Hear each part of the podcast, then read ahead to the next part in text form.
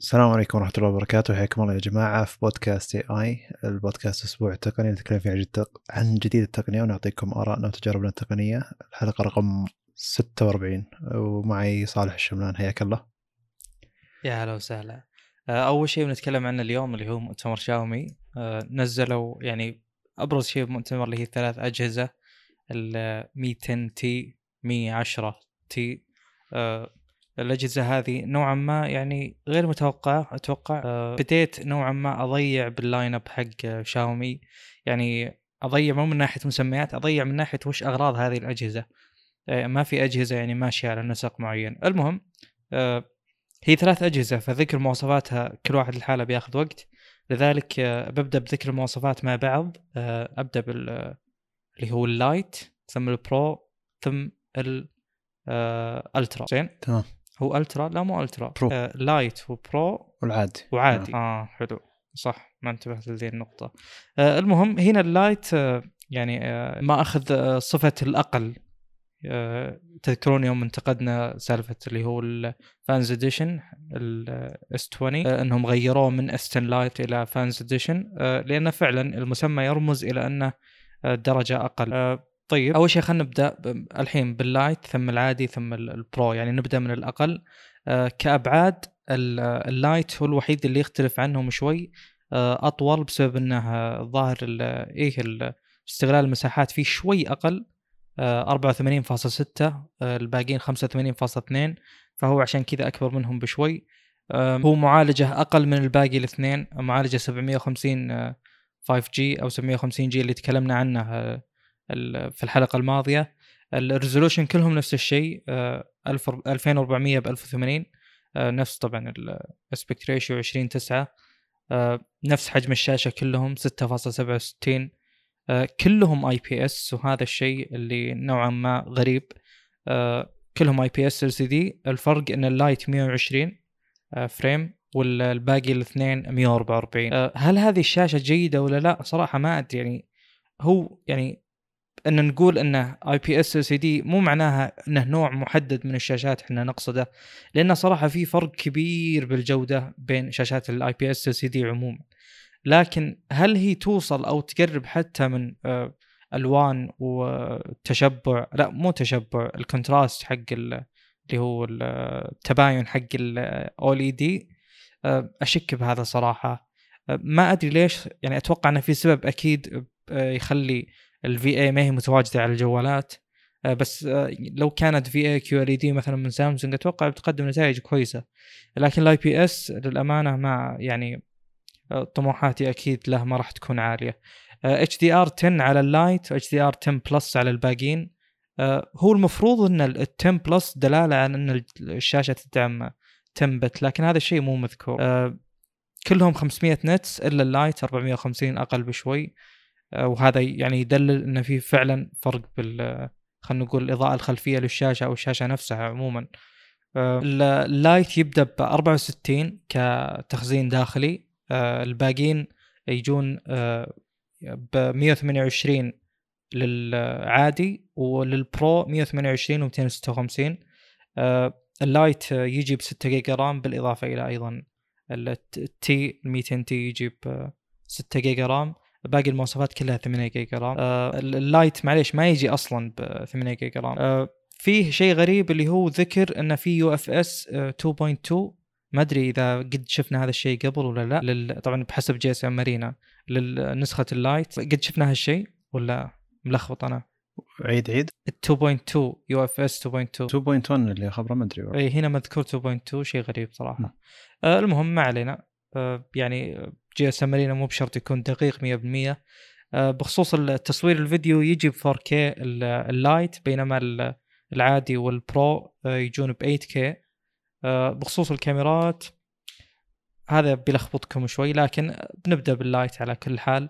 64 ميجا بكسل للكاميرا الأساسية آه، 8 ميجا- بكسل لل ultra wide وفي 2 ميجا بكسل macro و2 ميجا بكسل depth اللي هو مستشعر العمق. ال- العادي يجي ب 64 ميجا كاميرا أساسية آه، اللي هي ال wide و13 ميجا بكسل ال ultra wide وفيه مستشعر عمق أو معليش فيه macro 5 ميجا بكسل. أكثر من ال Lite لكنه ما فيه مستشعر العمق هذا. طبعا أنا ما أدري وش فايدته بس إنه يعني هذا الموجود. آه، عشان كذا أنا قلت لكم أنا ما أدري هذه الأجهزة وش معناها صراحة. يعني إنك تعطي الجهاز الأقل والأرخص كاميرا إضافية بس بنفس الوقت آه، في كاميرا هناك آه، من أحد الثلاث أحسن من الموجودة على ال Lite شيء غريب شوي. ال Pro 108 ميجا بكسل اللي هي الكاميرا الأعلى عندهم ما خاب ظني. اللي هي نفسها الموجودة بال Mi 10 Ultra. فهي تعتبر أفضل كاميرا موجودة عندهم. آه، وتجي فيه ultra wide 13 ميجا بكسل آه، زي الموجودة بالعادي وفي 5 ميجا بكسل أيضا زي الموجودة بالعادي اللي هي ال macro. يعني الجهاز الأرخص فيه أربع كاميرات وهذا الشيء غريب صراحة. آه، وبشكل دائري يشبه الموجود بال هو اللي ذكرته أنت ال POCO POCO 3 X نفسه. نفس الفكرة يعني. آه، طيب آه، كلهم آه، بس ال Lite هو اللي فيه 3.5 منفذ السماعة. كلهم فيهم stereo speakers بخصوص المستشعرات الموجودة البصمة موجودة على الجانب ما هي على الشاشة. وأتوقع هذا له علاقة بال IPS LCD ما أذكر في جهاز اي بي اس ال سي دي يجيب بصمه على الشاشة. طبعا بحكم أشياء كثيرة من ضمنها اللي هو نحف ال AMOLED وزي ما ذكرنا قبل أذكر في حلقة قديمة يعني آه ذكرنا فكرة أن وجود ال AMOLED بالتحديد ينفع للجوالات. يعني ما في أجهزة كبيرة AMOLED أتكلم شاشات TVs إلى آخره. فتحس أن وجود ال AMOLED مخصص تماما ومطور تماما أنه يكون يعني ب small form factor بشيء كذا صغير. فعشان كذا صعب تنافس ال small form factor هذا اللي هو ال AMOLED صعب تنافس فيها. وصايرة هي خلاص الجو تو هل في جهاز يعني خلينا نقول flagship أو premium flagship أو يعتبر جهاز خلينا نقول واجهة الشركة ولا هو اي إلا هو AMOLED ما أتوقع إنه فيه. طيب بخصوص البطاريات وهذا الشيء جدا جدا جدا غريب يعني هذا أغرب شيء بالمواصفات كلها. في بطارية 4820 أنا ما أدري من وين جايبينها بس إنها على اللايت يعني من وين طلعت هذه البطارية؟ وليش الجهاز هذا رخيص جدا؟ بطاريته أكبر من ال 200 ألترا اللي هو 4500 فشيء جدا استغربت منه صراحة. آه، الشيء الثاني بطاريات الأجهزة الباقية اللي هو ال Mi 10T وال Mi 10T Pro كلهم 5000 ملي امبير السؤال الثاني ليش هذه البطارية ما هي موجودة على Mi 10 Ultra؟ الكاميرا مع انه المفروض انه يقدرون يعني بحكم الحين Mi 10 Pro قدر يجيب بطارية أكبر. أيوه. انت قصدك آه الكاميرا أستبعد أستبعد جدا جدا مستشعر الكاميرا بال Mi 10 Ultra كبير جدا يعني. آه أنت تقصد ال 108 لأنه موجود بغيره. أيضا في ظاهر شيء تلسكوب مدري 120 تقريبا مدري شيء زي لا معليش ال 108 مو موجود بال بال Mi 10 Ultra. فيه 48 ميجا بكسل إيه بس عندهم شيء 48 wide. اي ال 120 X على قولتهم. و 120 هرتز 120 X 120 واط الشحن السريع أستبعد أستبعد بشكل كبير. يعني صح ممكن تكون هي من يعني من ضمن الأشياء اللي حدتهم انه يحطون فيه 5000 ملي أمبير. بس يا أخي نرجع ونقول هذا جهازك الابرز يعني, يعني. زي فكرة بصمة على الشاشة. ال Note 20 Ultra أنت تشوف هندسه الجهاز داخليا يعني تحتاج تشوف JerryRigEverything وشوف إيش ماخذ مساحة أكثر داخل الجهاز. زي زي لما وإن كان. لما ال Note لما قلنا ليش ال Note بطاريته أقل من 20 Ultra. وقلنا سالفة القلم. إي وطلع مو بس سالفة القلم حتى الكاميرا تعتبر أكبر ماخذة مساحة أكبر. هالحجج أنا من بحبها مو حجج هذه هندسه الجهاز يعني. هم يقدرون أكيد بس عاد يفضلون مثلا انهم إيه يخلون بالضبط أنا أنا هذا قصدي. يفضلون مثلا انهم يخلونه أنحف شوي على إنه يكون بطاريته زي السابق مثلا. أنا ما ما أقتنع بهذا الكلام صراحة ابدا. يعني أنت الآن وصلت الرقم المفروض إنك ما تنزل عنه. جميل. هذا هذه طريقة يعني هذا اللي حاصل بالسوق. يعني تقدر تكبر الجهاز تقدر تسوي أي شيء. يعني إحنا نتكلم على 6.9 بالنوت. 6.9 حجم شاشة طبعا مو حجم الجهاز كأبعاد. ولا قدرت توصل اللي هو رقم الاس 20 ألترا كبطارية. ودي بس أبحث عن جميل. موضوع بس خلنا مع مع الأجهزة هذه. يعني الأجهزة هذه أنا أشوف إنه معطينك أفضل المعالجات بأفضل أسعار لكنهم ما معطينك جهاز وزنه ومسكته ممتازة مثلا. وزنه وسماكته جدا ثقيلة للجهازين ال T وال Pro و الشاشه ما عجبتني صراحة. ما أدري عن إذا كان فيه شاشات IPS محترمة. بس عموما انه الموجود بالسوق OLED الشاشات الصغيرة أفضل إلى الحين. أه بس يعني ممكن إنهم حطوا LCD علشان 144 هرتز ما قدروا يوصلونها بال AMOLED للحين مثلا. مع إنه ما عندنا مشكلة ب 120 على ال 144 موجودة بال ROG Phone 3 ما أدري عاد ممكن يكون ممكن يكون سعرها أغلى عليهم مثلا لأن ترى الأسعار جدا جدا ممتازة يعني آه، خمس 500 يورو للوسط و600 يورو لل Pro ما هي ممتازة. تعتبر ممتازة على المواصفات. طب وال Lite؟ وتقاربه مع الكي 30 الترا لا الكي 30 الترا ذاك ما نقدر نقارنه مع أي شيء. لازم نطلع المقارنة يعني. طب من نفس الشركة ما يصير هي يعني. هنا تقدر تقول لا لأن هذا الجهاز شوي موجه لأوروبا أكثر والعالم الباقي. داخل أيوه غالبا هذه الحاجة داخل الصين يعني تحس إن أسعارهم إحنا صينيين وفر اجهزه الصين هذه الأسعار اللي نقدر نعطيكم إياها. والمعالج. مو Qualcomm اي نعم. بس هذا لو لما تقارنه Mi 10 Lite مثلا تقارنه بال Poco 3 X NFC. الاسم عجيب. آه، مو الفكرة هنا بس الفكرة إنه ترى يعني زادوا 50 دولار أو 50 يورو تقريبا وطلعوه للعالم يعني. لو تأخذ ال Poco X 3 Lite X 3 لا X 3 أو 3 X NFC يا أخي اسمائهم عجيبة. إكس 3 ما هو 3 إكس إكس 3 ان اف سي أحسن لك من ال Mi 10 T Lite 5 G وش التسميات؟ مره مرة ضايعين أه عموما يعني ترى تقريبا نفس المواصفات بالضبط يعني نفس التصميم الخلفي نفس التصميم الامامي من ناحية إن الكاميرا موجودة بحفرة على الشاشة بالنص نفس الشاشة LCD مع 120 نفس المعالج 750 أه ف كأن معيدين تشكيل الجهاز وطلعينه باسم شاومي علشان يمكن Poco ما يمشي والشاصي موجود التصميم موجود لكن الأجهزة اللي أعلى منه اللي هي T 10 T 10 Pro آه، يعني ممتازة جدا. باقي بس إنهم يحطون AMOLED ويصير جهاز قابل للشراء فعليا بالسعر هذا. طيب بخصوص ال Pro ابو فيصل ال Mi 10 T Pro مقارنة بال Mi 10 Ultra هل يعني فرق 100 يورو 150 كسعر إطلاق؟ ليش؟ مو 150 يورو. هو ب 550 هذاك 750 أشك بهذا. أذكر إن ال 200 الترا ب 700 مع كثرة الأجهزة الواحد يضيع الأسعار. أنا هذا اللي أذكره. يبدأ طبعا. وتعرف أجهزة شاومي دائما تبدأ من 8 جيجا رام. الصراحة ما يعني ما أدري. بس إنه بحكم يعني هذا السعر الاطلاق طبعا إحنا نتكلم. فالحين المفروض إنه يعني يصير أرخص. وعموما الاسعار الأسعار ف... باليورو ما تنطبق عالميا نوعا ما. دائما تصير أغلى شوي. ف أتخيل الأجهزة هذه بأرخص من السعر هذا بتكون ممتازة.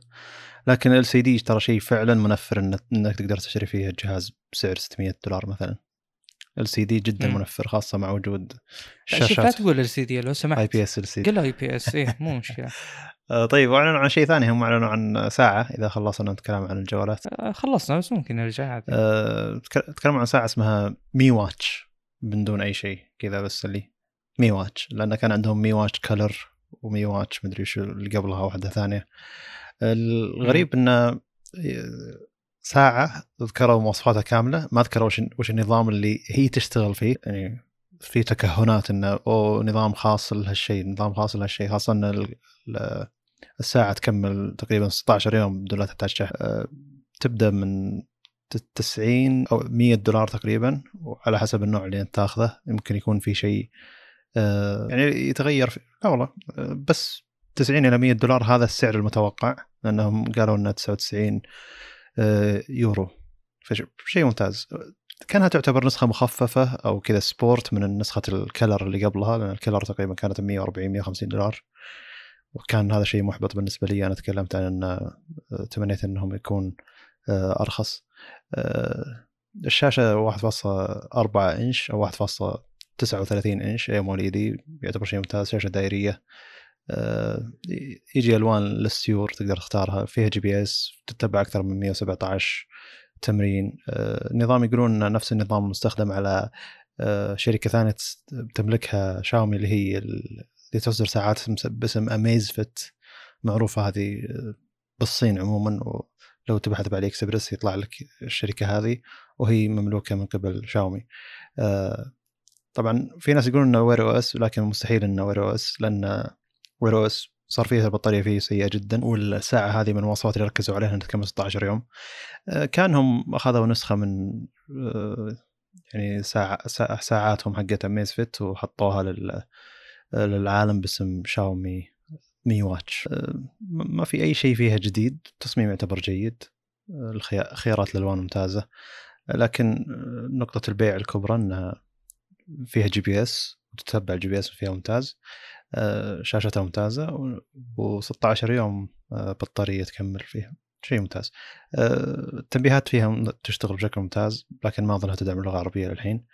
فإذا كنت تستخدم جهازك كلغه إنجليزية بتوصلك تنبيهات بشكل جيد. الش- الساعات هذه اللي تستخدم أنظمة ثانية ومختلفة عن Wear OS ممكن التنبيهات فيها تضيع أو ما توصل بشكل مباشر.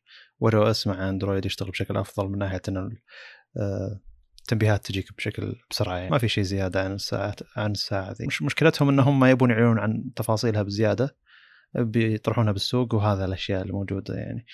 بعضهم يقولون إن التصميم هذا بالضبط هو نفس تصميم ساعة من أوبو. أيضا ذيك الساعة اسمها أوبو واتش. وأيضا ذيك الساعة ما ندري إيش النظام اللي تشتغل عليه. الشركة الوحيدة اللي تقول وش النظام اللي تشتغل عليه ساعاتها واللي تكمل من 14 إلى 16 يوم هي هواوي اللي هي سمت النظام حقها Lite OS. احتمالية إن كل الساعات هذه تستخدم نفس النظام هذا. وخاصة إن يعني هواوي نفسها ما تعلن نظام اسمه Lite OS لكن لما تبحث بموقعهم تلقى ان اسم النظام Lite OS اللي هو على ساعاتهم اللي تكمل 14 يوم. وبما إن يعني ساعات اوبو وساعات شاومي تعطي نفس البطارية تقريبا من 14 إلى 16 يوم فمن الاحتماليه إنهم يستخدمون نفس ال- ال software ما أدري صراحة تقصد شاومي وهواوي يستخدمون نفس ال software أوبو بعد لأن شاومي وأوبو متكتمين وش ال... وش النظام اللي يستخدم فيه الجهاز أو الساعة يعني مم. لكن هواوي وح- الوحيدة اللي إذا دخلت موقعهم تلقى إن الجهاز يشتغل بنظام اسمه Lite OS ممكن طب في سؤال الان. هل يعني ما أدري أنا ما قد شفت آه الشركات هذه تتعاون فيما بينها صح؟ أه، هواوي وشاومي إيه، أقصد. ممكن هم شارين منها النظام لكن هي للحين ما سوقت النظام بشكل كبير مثلا مم. بس غريب إنه ما في تعاون يعني ما أدري. أه، يعني إذا إذا فعلا في نظام بالقوة هذه إنه يقعد إلى 14 يوم 16 يوم ساعة ذكية فهو المفروض إنه شيء يستاهل التسويق صراحة للشركات الباقية. لا زال شيء غريب. وأيضا فكرة إن كأن الأجهزة الصينية الآن بدأت تتبع ما أدري مو متأكد ترى بدأت تتبع يعني فكرة التسويق باليورو. خلاص يعني مرة ماني لاقي أسعار اي بالدولار لأنه مو- موجه بشكل مباشر يعني. الحين حتى لما تدخل على يعني ساعات هذه اميز فت مثلا اللي هي مملوكة من شركة اسمها هاومي مو شاومي اللي هو نفس سبيلنج شاومي لكن في اتش اللي هي شركة مملوكة من شاومي. أنا ما أدري ليش يعقدون الموضوع زي كذا. أيضا ما راح تلقى وش النظام اللي تشتغل عليه. تلقاها أنها تشبك على الانظمه الفلانية لكن وش النظام اللي هي تشتغل عليه؟ ما إحنا معلمين. أه ما أدري كان هذا الشيء على قولتهم رابط هول لو ندخل إيه، كذا. أكيد إيه. وما في ش- معلومات ثابتة. بس اللي ف... operating system يعني الحين operating system iOS اندرويد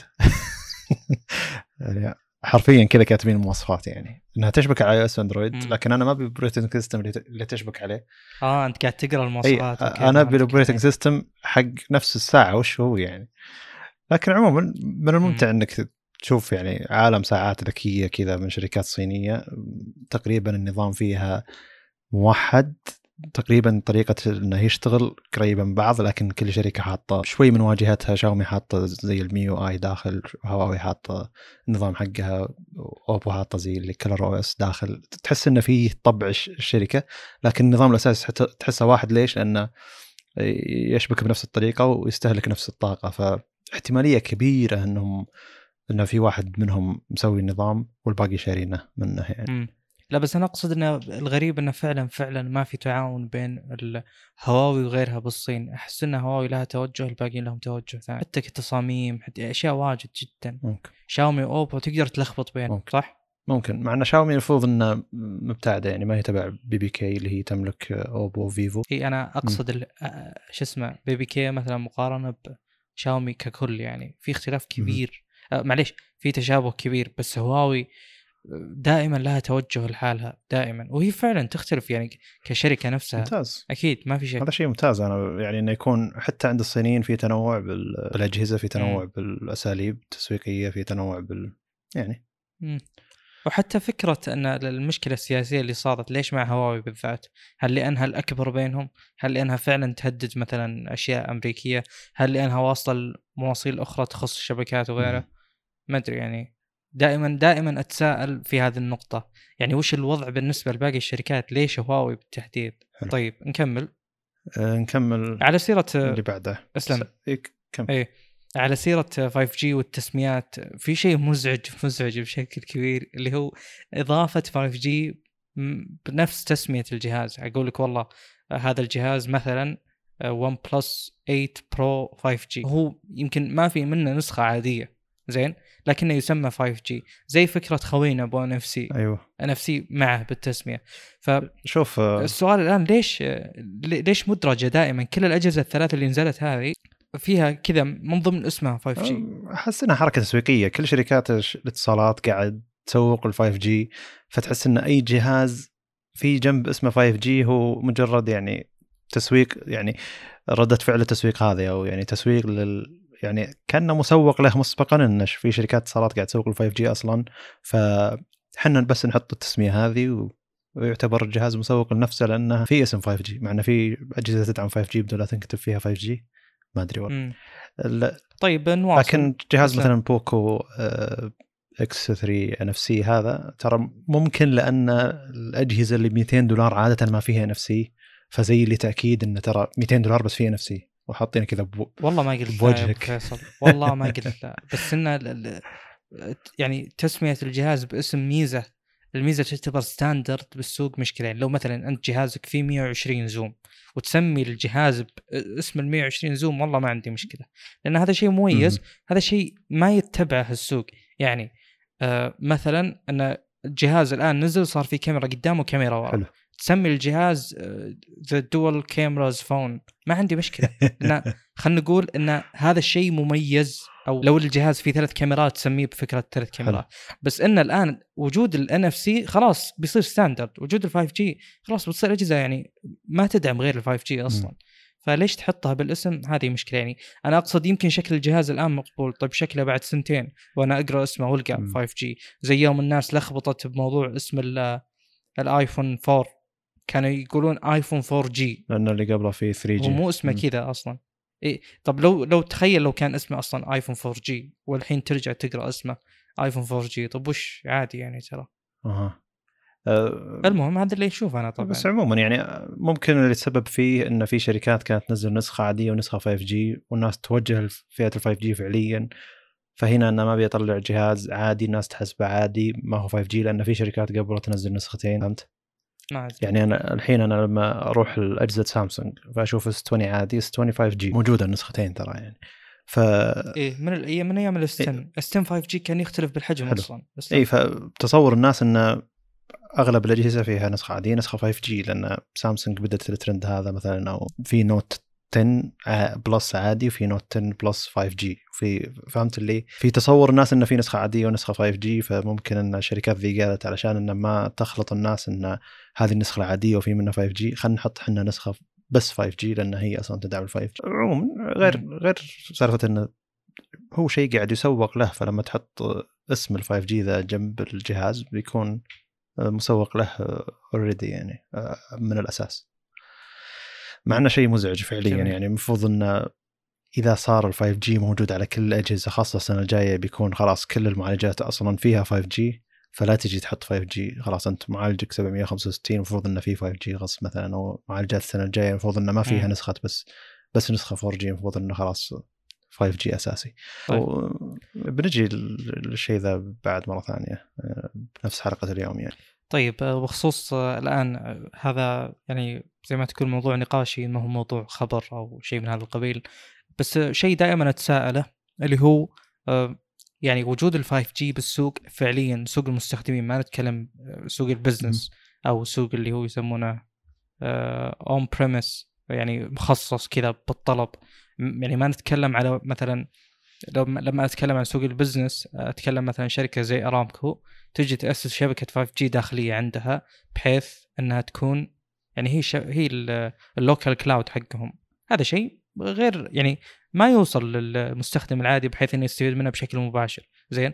أنا أتكلم موجودة بالسوق فعليا يعني يكون أنت جهازك 5 G وتستخدم 5 G فعليا والمكان اللي تتصل فيه أيضا هو شابك مثلا 5 G جميل أتكلم منها يعني وش بتمثل لنا؟ وش بتسوي؟ ميزات ال 5 G عموما وش بتغير بالسوق؟ أه هذا الموضوع يعني أتوقع بلا شك ومثل ما ذكرنا تو إنه انحلب يعني بشكل ما هو طبيعي يعني تعرف اللي تشوف زحمة كذا بس إنه فعليا بالسوق ما في شيء. أه في مشاكل حاصلة أه أتكلم بالسوق السعودي مو مشاكل هي أه بس أمور تتعلق بمين المشغل لل 5 G مين بيشغله أول؟ ومين اللي أصلا بيوفر اتكلم ال infrastructure يعني ال hardware؟ لأن تعرفون في شركة توفر ال hardware نفسه زي اريكسون نوكيا هواوي وفي شركات operators زي مثلا STC موبايلي زين غيرهم. حلو, حلو. فهو في سباق بال بالشركات المصنعة نفسها اللي هم اريكسون هواوي نوكيا. وفي سباق أيضا بال operators من أول واحد بيقدم الخدمة هذه. زين؟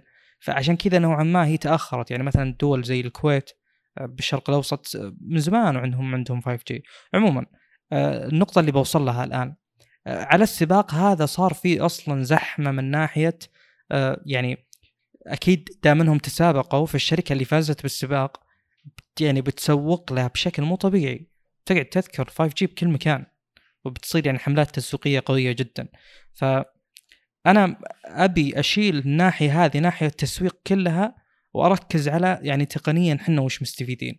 زين؟ على سيرة الموضوع اللي تكلمنا عنه بالحلقة الماضية اللي هي شو اسمه امازون آه لونا يعني وتوفير الكلاود بالألعاب. يعني خلاص الألعاب الآن بتصير إنها تقدم ككلاود آه بتصير ما تحتاج يعني تثبت أي موارد للعبة عندك. آه أحد الأشخاص كنت أتواصل معهم آه يعني شخص يشتغل فعليا بهذا المجال. وطبعا أنا, أنا الآن كأني أعيد السالفة لأن أصلا ذكرنا هذا الشيء بالحلقة المحذوفة. للأسف. مو المحذوفه الحلقة اللي ما نزلت بسبب مشكلة بالتسجيل. الحلقة ذيك ترى كانت ساعة و53 دقيقة. الحلقة اللي نزلناها مكانها كانت 59 دقيقة. فلكم أن تتخيلوا كيف الفرق يعني كبير جدا. المهم من أحد المواضيع اللي أسهبنا فيها وطولنا فيها كان هذا. وذكرنا فيه كيف إنه يعني هذا اللي أنا بعيد ذكره اللي هو آه، أنا تواصلت مع شخص فعليا يشتغل بالمجال وقاعد يقول لي وش البوتنشل الفعلي وش الإمكانيات الفعلية اللي بيوفرها ال 5 جي وتغير من السوق. لاحظوا أنا أبي أركز على موضوع تغير من السوق. يعني تجيب شيء ما كان موجود قبل. لو نفكر بالموضوع من ناحية إنه وش الفرق أصلا بين 1 جي 2 جي 3 جي 4 جي 5 جي وش الفرق بينهم؟ وش حاصل أصلا؟ يعني ليش الآن نزل standard جديد؟ يعني هل هي مجرد السرعة؟ طبعا للأسف أشخاص كثير يعني تسألهم يقول لك والله ال 5 G صار يوصل إلى 1 جيجا مثلا كسرعه يعني. بس إن هذا الشيء مو صحيح يعني. هي ما هي مرتبطة بالسرعة تحديدا. هي مرتبطة بأمور كثيرة وهذه الأشياء تحددها منظمة عالمية تبع يعني شو اسمه مواصفات ومقاييس standards يعني اسمها ITU في فرق بال بالتصميم الداخلي بال structure حق الشبكة هذه أو الأجيال هذه. في في فرق يعني عندهم فعليا يحددون انه والله هذا 4 G ولا 5 G زين؟ امور كثيرة ترى يعني لها أبعاد جدا كثيرة تخص security وغيره. فلا تتوقعون إن الفرق بينهم مجرد سرعة. زين فالفرق اللي بالذات أبي أذكره الشخص هذا قال لي ال 5 G هو اللي بي يعني يرسم أو يوقع على الانطلاقة الفعلية لل cloud gaming آه قلت له ليش؟ قال لي بسبب إنه بيوفر يعني response time آه يعني سريع جدا أو خلينا نقول ال latency بتكون أقل بشكل كبير. زين آه هذه أحد الأسباب اللي ذكرها وأشوف إنه أبرز سبب هو يقصده. بس إني أنا طبعا اختلفت معه بشكل كبير جدا قلت له يعني المشكلة اللي كانت بال four G اللي هو ال latency خلينا نقول اللي ما ينزل عن 10 مثلا. آه، المشكلة ذي محلولة ترى. قلت له يعني الآن حاليا حاليا تقدر إذا نتك fiber. الأصل إن ال latency يعني 3 millisecond ترى. إذا استخدمت برامج speed test مو إذا سويت test على server يعني آه، لأن تختلف بحسب كم ال server يعطيك بحسب مسافة ال server عنك. بس تتكلم في الظروف المثالية تقدر توصل 3 millisecond وأقل. ف آه، يعني هو على صواب وأنا على صواب نفس الوقت يعني. أنا أتكلم كتجربة لل cloud gaming بالعموم تقدر تشغلها في ظروف معينة اللي هي مثلا وانت ببيتك ولا وانت بمكان النت فيه جدا ممتاز كألياف يعني يكون مو إنك متصل من جهازك على 5 G على يعني شبكة بيانات 4G فكنت أقول إنه جزئيا قابلة للتحقيق بدون حجة ال 5 G هذه. بس هو يقصد من ناحية إنه لا فعلا تحقق الغرض الكامل من هذه الخدمة من ناحية إنه وين ما كنت تقدر تستخدمها. زين.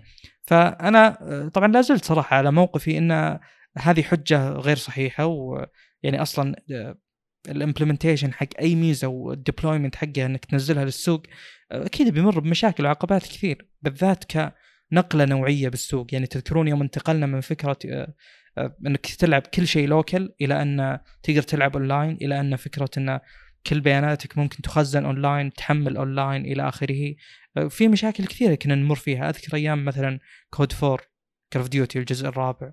كانت في مشاكل فصل الشبكة كثيرة جدا سواء كانت المشكلة من الشبكات نفسها ولا من اللعبة نفسها اللي هو خلينا نقول في أشياء لها علاقة بال self heal وكذا اللي هو انه إذا صار في مشكلة بالشبكة هي تعالج نفسها بنفسها. يعني مثلا من ضمن الأمور حقت ال self heal الشيء اللي صار بالجزء السادس من Call of Duty هذا أول شيء طبعا يعني أول لعبة شفت فيها هذه الميزة ما أدري إذا في قبلها ولا لا اللي هو فكرة إنه آه، إذا طلع ال host يتغير ال host. حلو أيوه. يعني أنا مثلا ال host طلعت في ناس كذا فجأة يطلعون من ال game.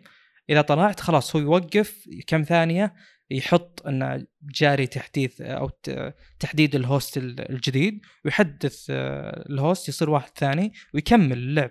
بينما ب COD 4 و COD 5 إذا تذكرون ترى إذا طلعت خلاص انتهى الموضوع. إذا ال host قرر يطلع الباقيين مع السلامة يعني. زين؟ فأنا اللي أقصده من هذه السالفة إن الانتقال من مرحلة لمرحلة أكيد في مشاكل بيمر فيها بعدين بتصير تجربة جدا عالية. الحين صارت أبرز المشاكل اللي ممكن يمرون فيها اللاعبين اللي هو إن ال ping عالي. بس زين؟ لأن الآن صار كل شيء server based كل شيء مربوط ب server بس إنه هذه يعني لو تروح لل حقين COD 4 COD 5 تقول لهم مشكلة بس ال ping يقولون يا حظك يعني. لأن هذا شيء هم يعني مو مشكلة يلعبون وهو موجود عادي يعني يقبلون بسلبية زي كذا.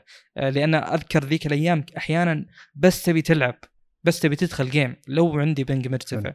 فمثل ما قلت أعيد وأرجع بنفس الموضوع.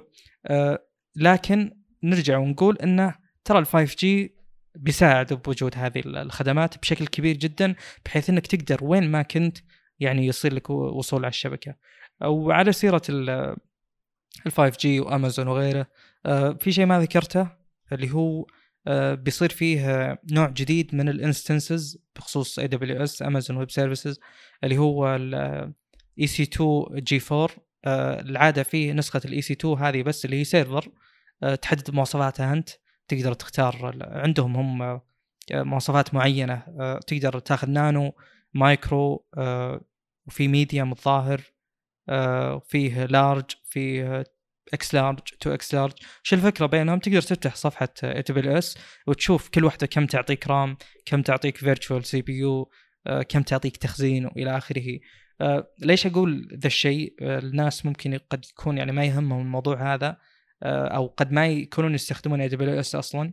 ال G 4 هذه بتكون توفر لك آه، قدرة GPU أكثر مخصصة لل يعني مثلا لونا بيصير كله based على ال EC 2 G 4 من الأشخاص اللي ممكن يستفيدون من هذا الشيء الناس اللي يستخدمون آه، أمور تعتمد على ال GPU بشغلهم. مثلا خلينا نقول models حقت AI و machine learning وإلى آخره موضوع ال mining وغيره. ممكن تستفيد من instances اللي هي سيرفرات يعني تكون معتمدة بشكل كبير على آه، خلينا نقول ال GPU.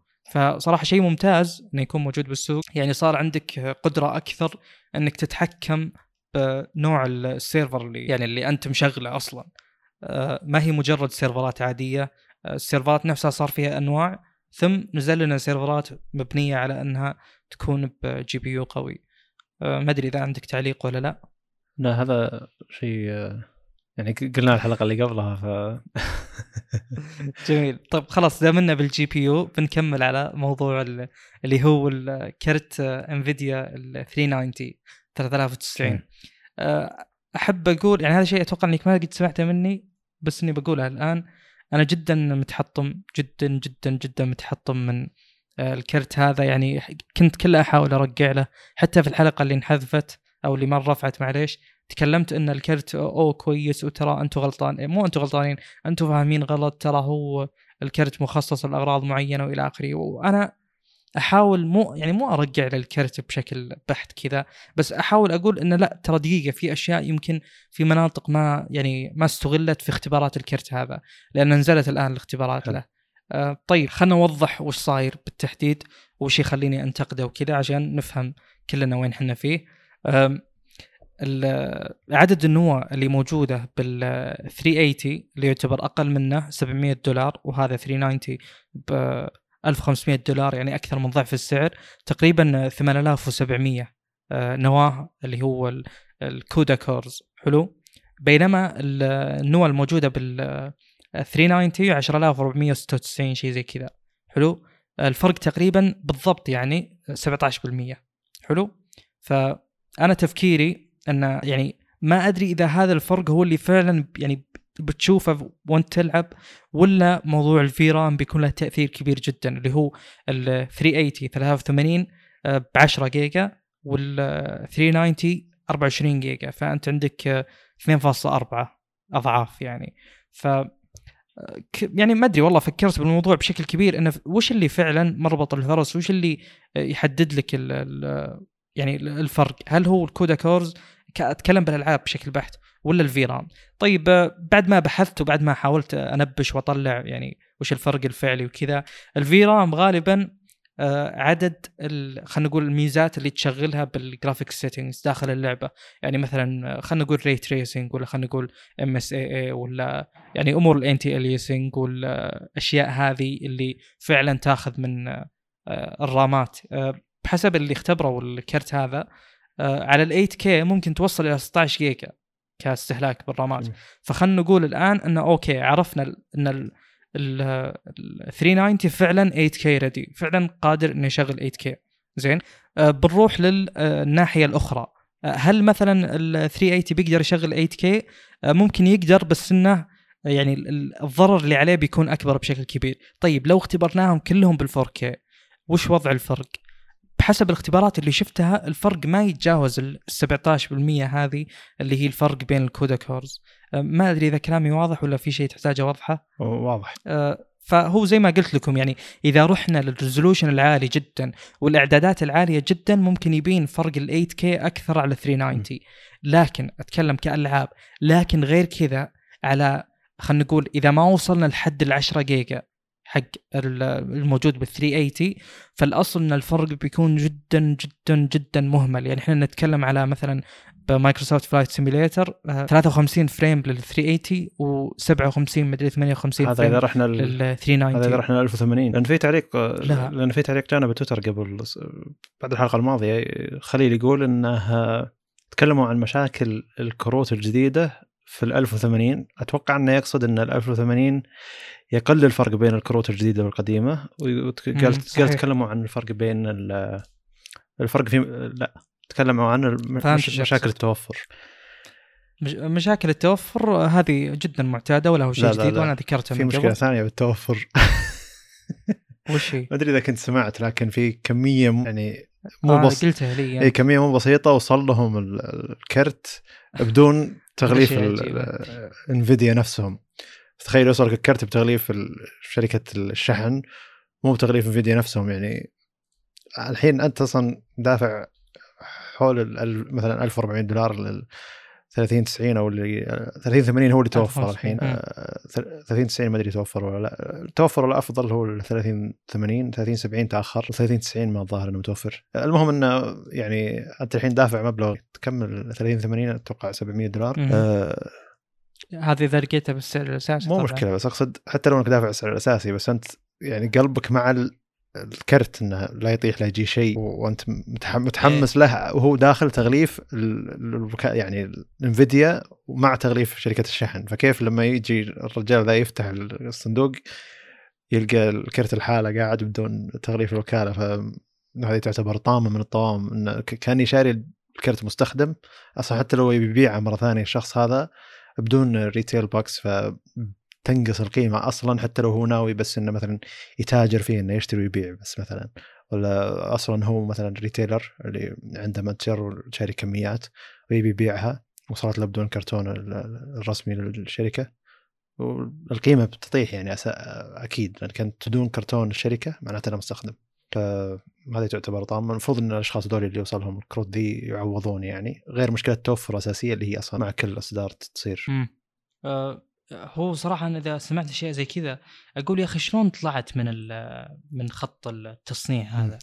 شلون يعني شلون أذكر أذكر في واحد تكلم. بالتفاصيل على إن الموظف اللي قاعد يغلف الكروت هذه سعر الكرت هذا هو قيمة راتبه حق الشهر. فهمت؟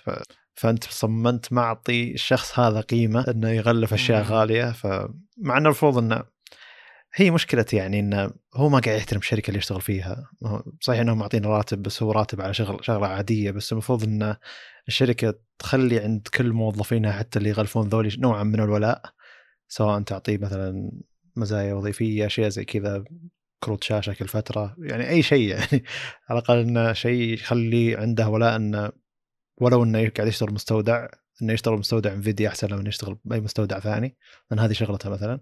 هنا بيكون عنده ولاء انه بيتكون شغلته نوعا ما. بس يعني مم. مشكلة خارج التقنية. يعني. أيوه بالضبط. توني جاي بقول مشكلة business يعني ما هي متعلقة باللي مم. نقوله إحنا. فنتجاوزها. بس نرجع لموضوع الكرت. آه، يعني عشان بس ألخص ال- الفكرة آه، بخصوص ال 1080 آه، ال 1080 ال resolution نفسه آه، ليش تقل الفوارق بين الكروت؟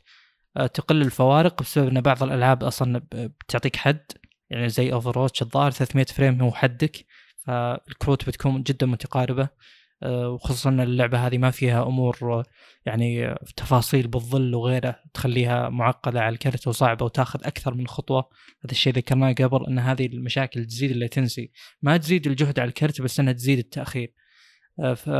فهذا هذا من ضمن الأشياء إن بعض الألعاب تحط لك حد. الشيء الثاني غالبا يعني كل ما قللت ال resolution أنت تقلل آه، يعني خلينا نقول استغلالك لموارد ال- الكرت نفسه. زين؟ آه يعني آه، زي مثلا البرامج اللي آه يعني تسوي أربع threads وأنت ال- المعالج حقك فيه ثمانية مثلا. آه، اضربه كمثال مو شرط هذا الواقع بس اقصد إن أنت الآن مثلا ما أتوقع إنك توصل لاستغلال جميع موارد الجهاز. يعني ممكن بالكثير آه، كمل. 1080 ياخذ 3 جيجا أتوقع يعني إذا مرة. فطبعا تختلف بين لعبة ولعبة بس اقصد إنه أنت آه، الآن أكيد إنك بتقرب ال- الفوارق بين ال- الكروت من هالناحية.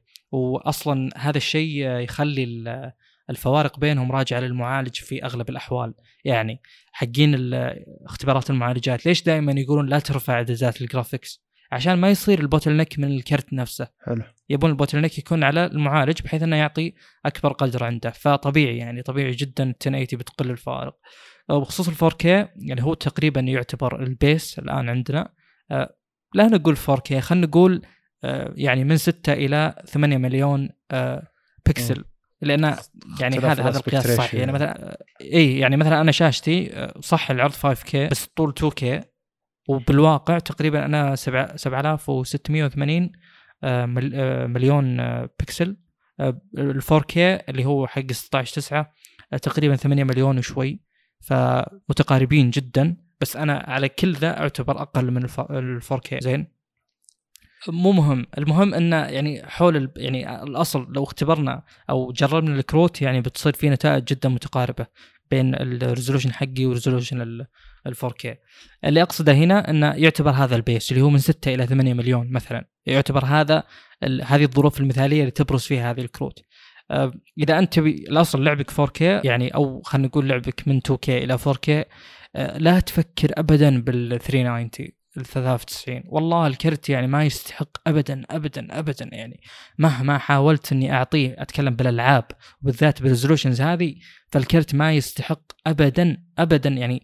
لو هو المشكلة من ناحيتين. مشكله إن ال 380 حيل رخيص جدا رخيص. يعني المفروض إنه صراحة يستحق 900 إلى 1000 دولار.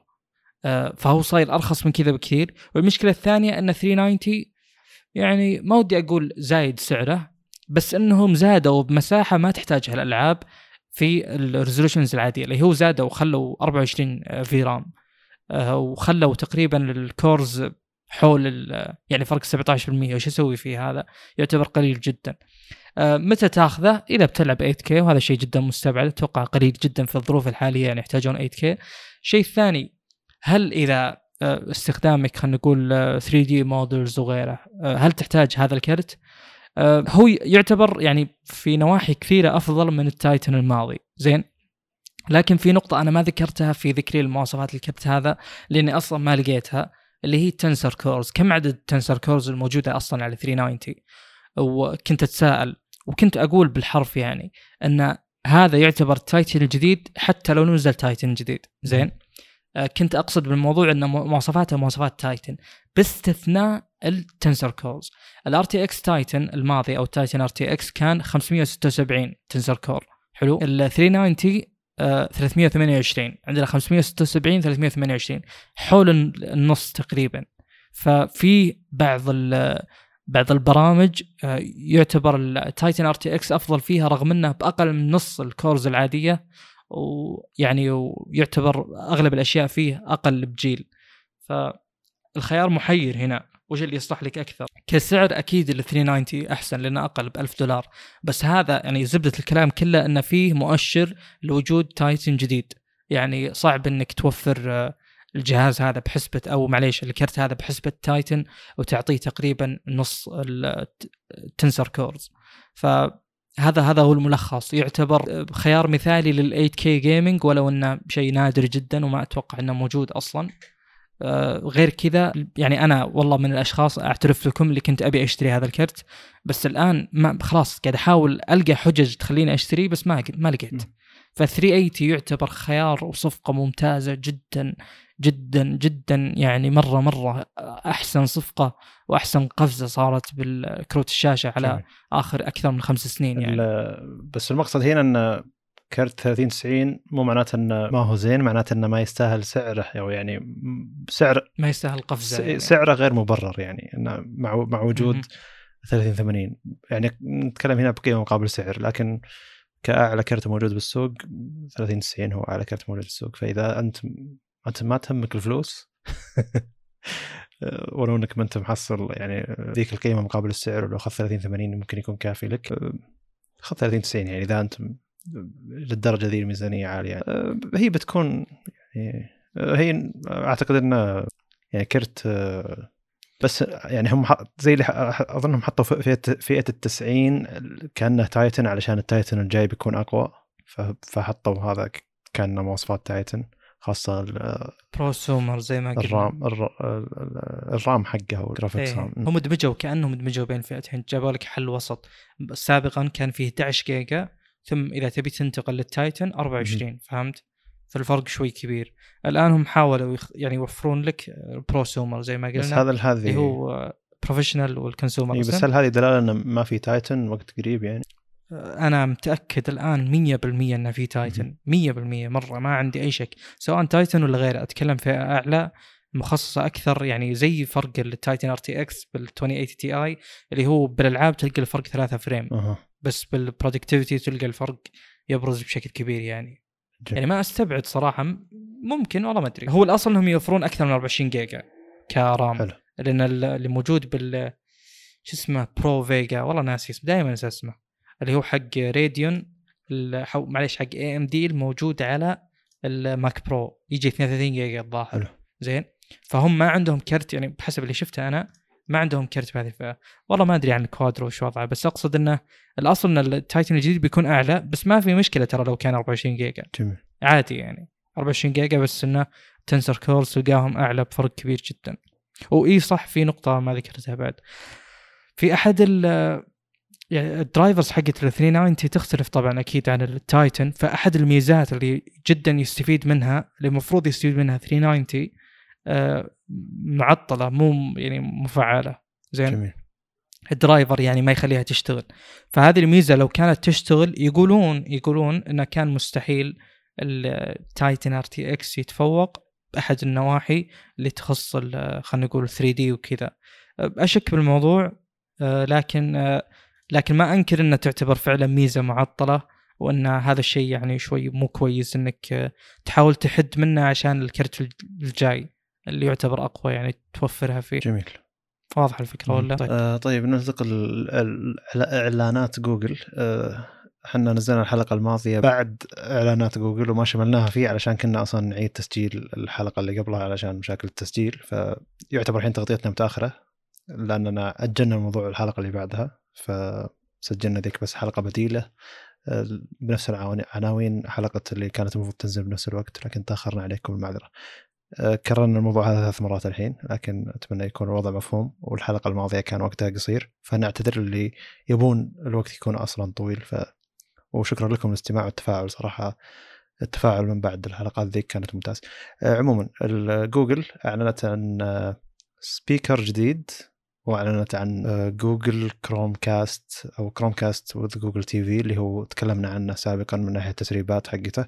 الجهاز آه، مدري كم مواصفات لازم نتكلم عنه. يجي معه ريموت في يدعم Google Assistant وال Wi-Fi اللي فيه يدعم 5 جيجا هرتز أظن Chromecast القديم النسخة الأولى والثانية ما كان يدعم 5 جيجا هرتز كان بس 2.4 جيجا هرتز وكبث الواي فاي يعني فهذا يعتبر آه، تحسين ممتاز. أظن آخر نسخة Chromecast حقت 4K كانت تدعم ال 5 جيجا هرتز عموما آه، تكلموا عن المزايا اللي فيه إن المساعد الصوتي فيه يشتغل بشكل ممتاز. آه، حاطين فيه زر Stadia وزر Netflix بنفس الريموت. حاطين فيه زر تعليه الصوت تكسير الصوت على اليمين شيء يعتبر جيد. تحس إنه تقريبا remote Apple TV لكن مصغر شوي. لكن جوجل جيدين من ناحية ال hardware ك تصنيع جودة تصنيع جودة إنك تمسك الجهاز تحس انه فعلا جودة التصنيع ممتازة. وتجربة المستخدم إن شاء الله إنها تكون آه، أفضل. لكن أنا قاعد أدور المواصفات بشكل أفضل لأن بصراحة موقعهم مو موضحين شيء يعني آه، واضح جدا. كل كلامهم عن إنه يدعم بطاريات عادية اللي هي تربل اي بطاريتين وعلى إنه يدعم ستيديا بس آه، ما في أي مواصفات واضحة له. لكن سعره 90 90 دولار مع اشتراك نتفلكس ست شهور و50 دولار إذا أخذت الحالة.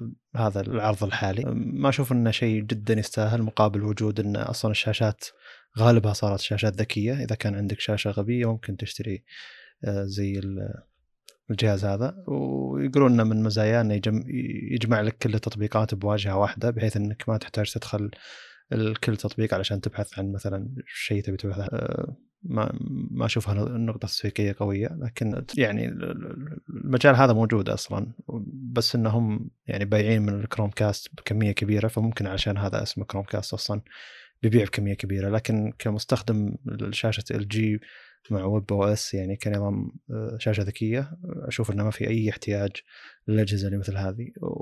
بصراحه يعني لو عندك حتى شاشة غبية نوعا ما قديمة إنك تحدث الشاشة حقتك مع نظام ذكي أحسن من إنك تروح تشتري قطع علشان تأخذ المزايا هذه اللي هو حقت الشاشة الذكية.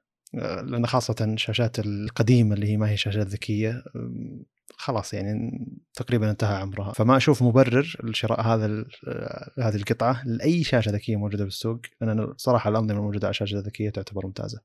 آه، تكلموا عن speaker ما أدري عن المزايا لكن سعره 90 100 دولار بدل ما سعر Google Home الأول الكبير ذاك آه، كان 130 أو 140 دولار. فقالوا إنه حطينا سبيكرات أفضل منه لكن قللنا القيمة ويقولون إنها تشتغل مع بعض بحيث إنك أنت بس تعطيها أوامر وهي تكون شابكة مع بيت ذكي بحيث إنك أنت تقول له شغل البودكاست الفلاني بالغرفة الفلانية وتسمع لها تقول له شغله بكل مكان تقدر تسمع لها إذا كان عندك أكثر من واحد بالبيت نفسه.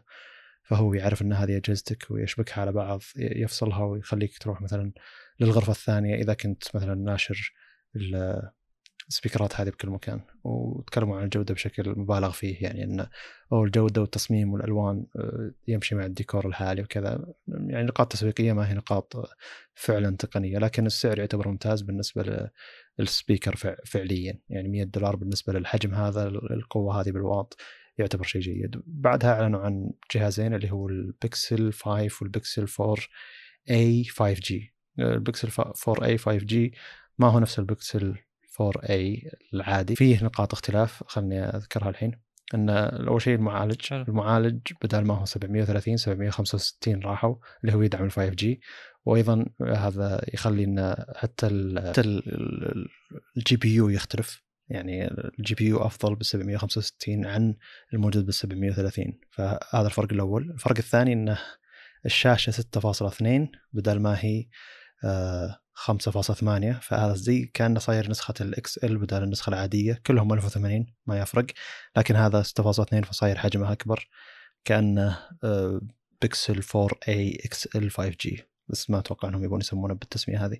البطارية أكبر ال 4 a العادي 3140 لكن ال 4 اي 5 جي 3885 ملي امبير أضافوا عليه سبيكرين بدل speaker واحد الموجود سابقا أو في النسخه العادية اللي ما هي 5 G وأضافوا الكاميرا الخلفية مستشعر جديد هو موجود على البكسل 5 اللي هو 12 ميجا بكسل 12.12 أقصد. اللي هو مستشعر ultra wide وهذا تقريبا أول مرة جوجل تحط مستشعر ultra wide بكاميرا خلفية. أتوقع منهم كاميرا محترمة صراحة. أه، بس stereo speaker هذا اللي تكلمنا عنه. فزي اللي يعتبر جيد الجهاز ب 499 دولار. إذا كنت تبي كاميرا جوجل فعليا اللي يعني تبي جهاز من جوجل مع كاميرا جوجل كلهم مستشعرات البصمة خلفية ما هي أه، ما فيها أي شيء على الشاشة يعني. حتى جهازهم البكسل 5 الجديد أه، واضافوا لون ثاني بال 5 G اللي هو الابيض بدال ال 4 a العادي كان بس اسود ال 4 a العادي 349 دولار ال 5 G 499 دولار الجهاز ذا ما ينافس مقابل الاجهزه الموجوده في السوق عموما لكن اللي يبي جهاز من جوجل أنا أشوف خيار ال 4 a 5 جي خيار امثل من انه ياخذ ال 4 اي أو انه ياخذ ال 5 البكسل 5 البكسل 5 آه نتكلم عنه الحين اللي هو سعره 699 دولار. يجي بلونين الأسود والنعناعي ال mint أنا اعرف اعرف إيه مع إني أنا ترى بالألوان آه، إذا جيت ترجم الألوان يعني أقصد أضيع يعني. حتى الألوان اللي بالعربي تعرف ما أدري من طبع الرجال انهم يعرفون الأحمر والأخضر والأزرق والباقي عاد يعني الوان أساسية. RGB يعني قصدك أنت أتوقع. يعني ما في آه، تركوازي هذا ما أدري وش اللون ولا مثلا ولا قرمزي ولا نيلي ذي إيه، بعيد عنها فلما تقول لي نعناعي أعرف انه نعناعي علشان البكسل الحين ولا ترى أول يمكن أعرفه علشان الآيفون كان في لون نعناعي بعد. بس أقصد لو طيب يمكن النعناع ما يجي نفس اللون ما هو نفس لون النعناع الخضراء يعني. المقصد انه نعناع يعني أخضر فاتح تقريبا. جميل. مدري مايل للازرق بشكل بسيط. اللون يعتبر جميل. الجهاز معدن. الشاشة 6 6 إنش. ما هو 6.2 5 جي 4 إي 5 جي 6.2 وال4 إي العادي 5.8 فهي 6 جاي بالوسط بينهم. يعتبر جهاز صغير ترى 6 إنش على 20 9 20 9 كم هو بالضبط؟ لحظة. الجهاز يجي 19 ونص 9 اللي هو يعتبر طويل لكن على 6 إنش يعتبر يعني صغير. الجهاز كم لما تمسكه باليد أو حتى لما تبي يحطون داخله بطارية كبيرة أو شيء ما أتوقع إنهم يقدرون فعليا. آه، حتى الجهاز وزنه 151 جرام يعتبر جدا جدا خفيف. آه، الجهاز يدعم الشاشة تدعم 90 هرتز. المعالج 765 زي ال 4 a 5 g الذاكرة 128 8 جيجا RAM. بينما ال 4 a 5 g 128 6 جيجا RAM. آه، الكاميرات الخلفية نفس الموجودة على ال 4 a 5 g اللي هي wide 12.2 wide وال ultra wide اللي هو 16 ميجا بكسل آه، الكاميرا الأمامية نفسها اللي هي 8 ميجا بكسل آه، سبيكرين بدون منفذ 3.5 هذا اللي يختلف عن ال 4 a 5 g. 4 a 5 g في منفذ 3.5 ال 4 a العادي ما في منفذ 3.5 آه البصمة الخلفيه بالخلف موجودة. البطارية بالنسبة لحجم الجهاز تعتبر كبيرة. بالنسبة لحجم الجهاز اللي هو 6 إنش 19 ونص 9 اللي هو 4080 آه، ملي أمبير. بيدعم شحن سريع 18 واط يدعم شحن لاسلكي رغم أنه الومنيوم هذا يعتبر شيء غريب. هم قالوا إنه معدن. ما ندري إذا كان بالضبط. المنيوم يمكن ألمنيوم مخلوط بشيء علشان يقدر يدعم الشحن اللاسلكي لكن يعتبر من أظن أول جهاز يدعم شحن لاسلكي يعتبر ألمنيوم يدعم ال IP 68 اللي هو مقاومة الماء والغبار داخل الماء إلى واحد ونص متر 30 دقيقة. معروفة هذه المقياس اللي هو ال IP 68 تقدر تروح يعني معيار معروف عالمي جدا. آه بس الأعلى يعتبر. آه، في أعلى منه للساعات الذكية وذا. بس انه كل ما ارتفع الرقم معناته انه أقوى كل ما نزل الرقم معناته آه، وأظن الرقم الأول يدل على شيء للغراب للغبار وشيء للماء يعني. ف حلو. آه شخصيا أشوف الأجهزة بالنسبة لي بالسوق ما في أي منافسة. يعني هي ما تنافس أي منافسة للأجهزة الموجودة بالسوق. مم. لكن كجوجل بالنسبة اللي تقدمه أول 4 a أو 4 و4 XL حق السنة الماضية أنا أشوف توجههم الحين أحسن. خليك على أجهزة رخيصة بيع للناس البسيطه لا تحاول تسوق لك أجهزة رائدة وأنا أحسن واحد وتحط لي جهاز ب 1000 دولار بعد شهرين يصير ب 700 دولار واللي شرى أول واحد هذا ما أدري إيش يصير فيه يعني خسر 300 دولار خلال شهر ما أدري شهرين. أه، تكلمنا عنها هذا في السنوات في السنة الماضية يعني بعد مؤتمر جوجل ظهر بشهر أه، نقص السعر 200 دولار أو حولها.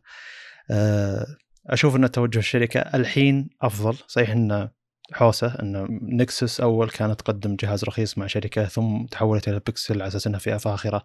ثم نفس البيكسل صار في فئة رخيصة اسمها A وفئة عادية. ثم صار فئة ال A هي اللي مسيطرة وصار في A 5G وال Five العادي صار نفس معالج ال A 5G ففي حوسة.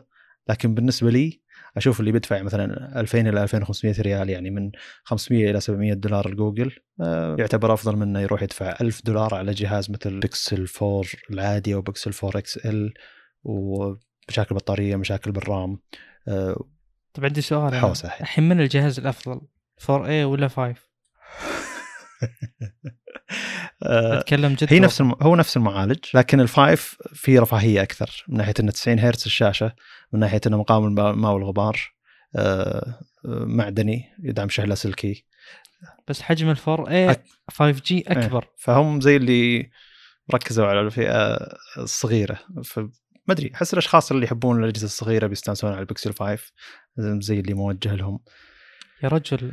نفس ال 6 6.2 ترى. والله عجيب يا أخي. والله العظيم إنه عجيب جدا. ما يعني أشوف أربع أجهزة قدامي 4A 4A 5G و5 مضيع صراحة ما أدري والله.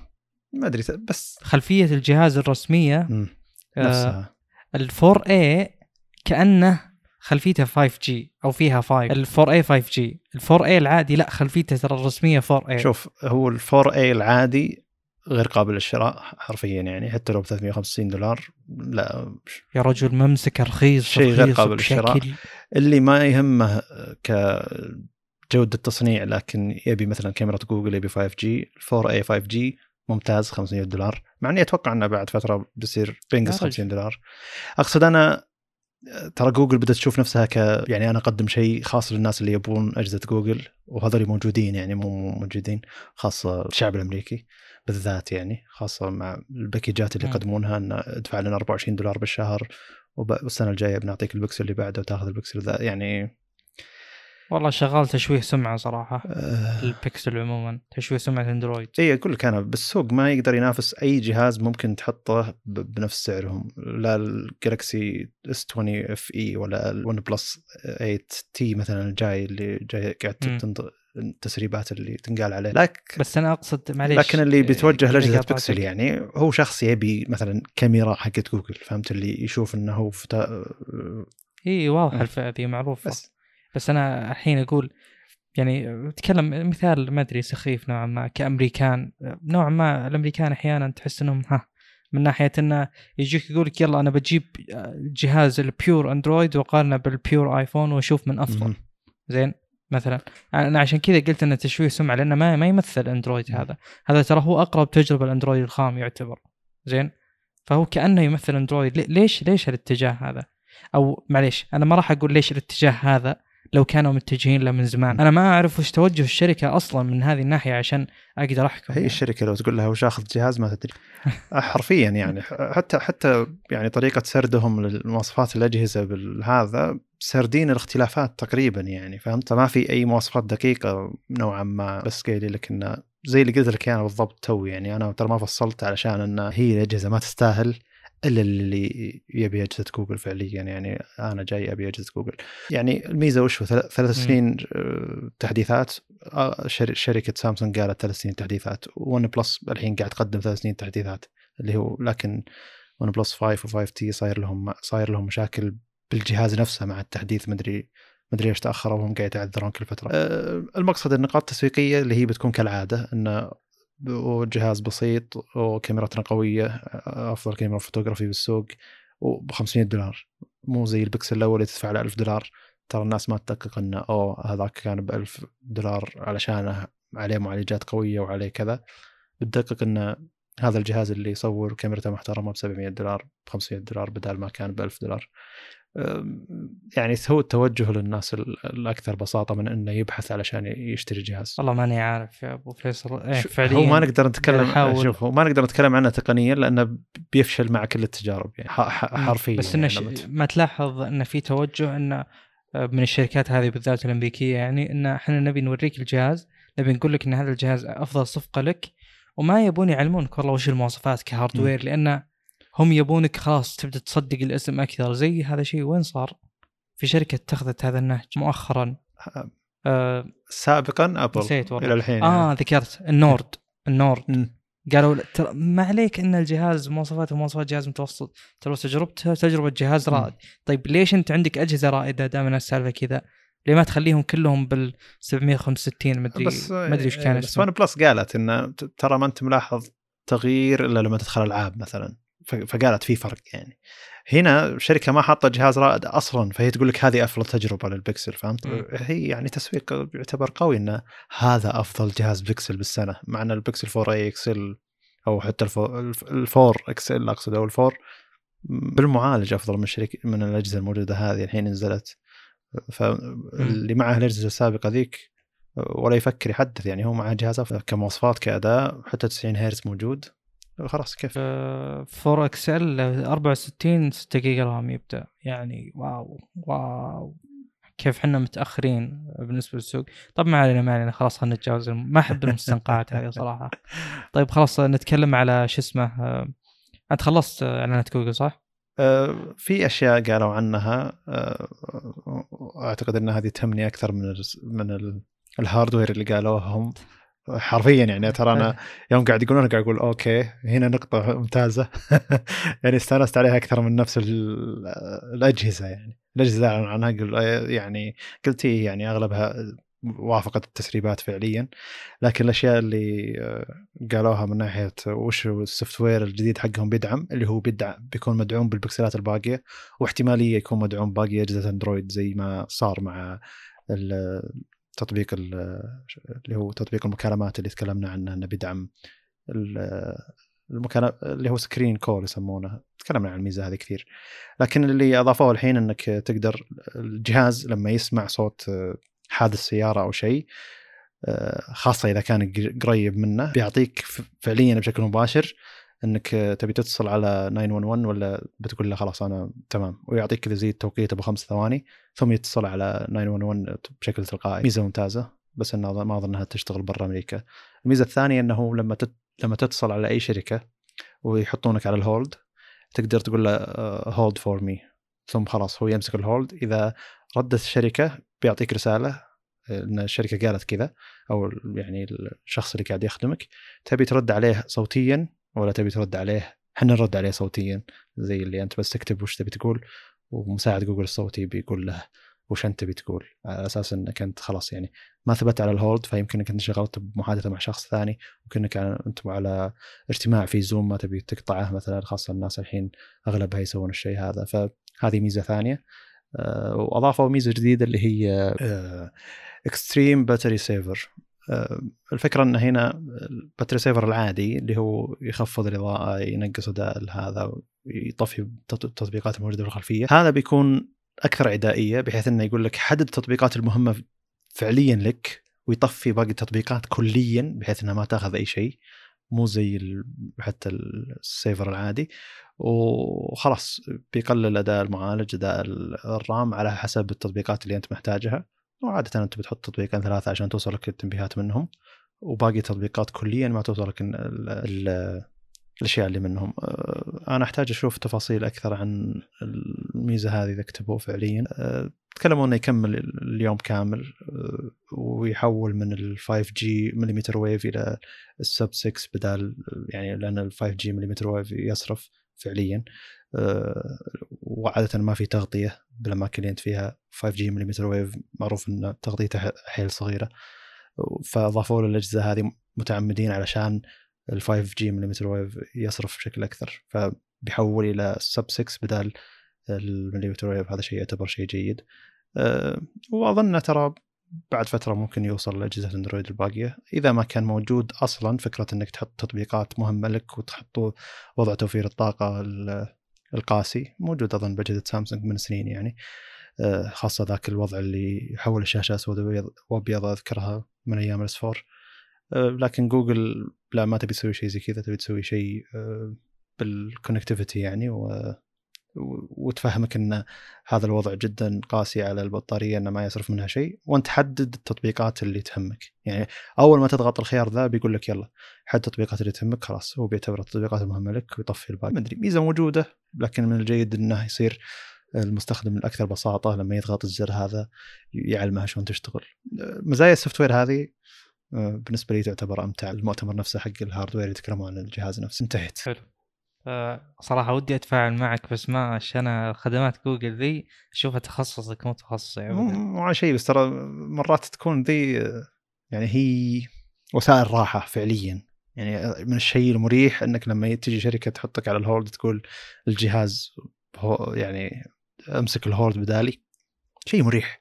وصدقني لما بس متى بيجي؟ ما تتصل على شركات لا لا متى متى بتوصل الميزة؟ مو عن توصل بس أنا أقصد هذه نقطة بيع حتى حتى داخل أمريكا يعني. داخل أمريكا. أنا هذا هذا اللي يخليني ما أحرص على أخبار إنه انتظارها يا أخي أنا ما لي علاقة إنها توصل عندي ولا لا بس أنا يعني شيء هو شيء غبي دائما أسويه إني أبرر للش- للشركة إنه ليش الناس قاعد يشترون أجهزتها أو ليش هي حاطة السعر هذا السعر.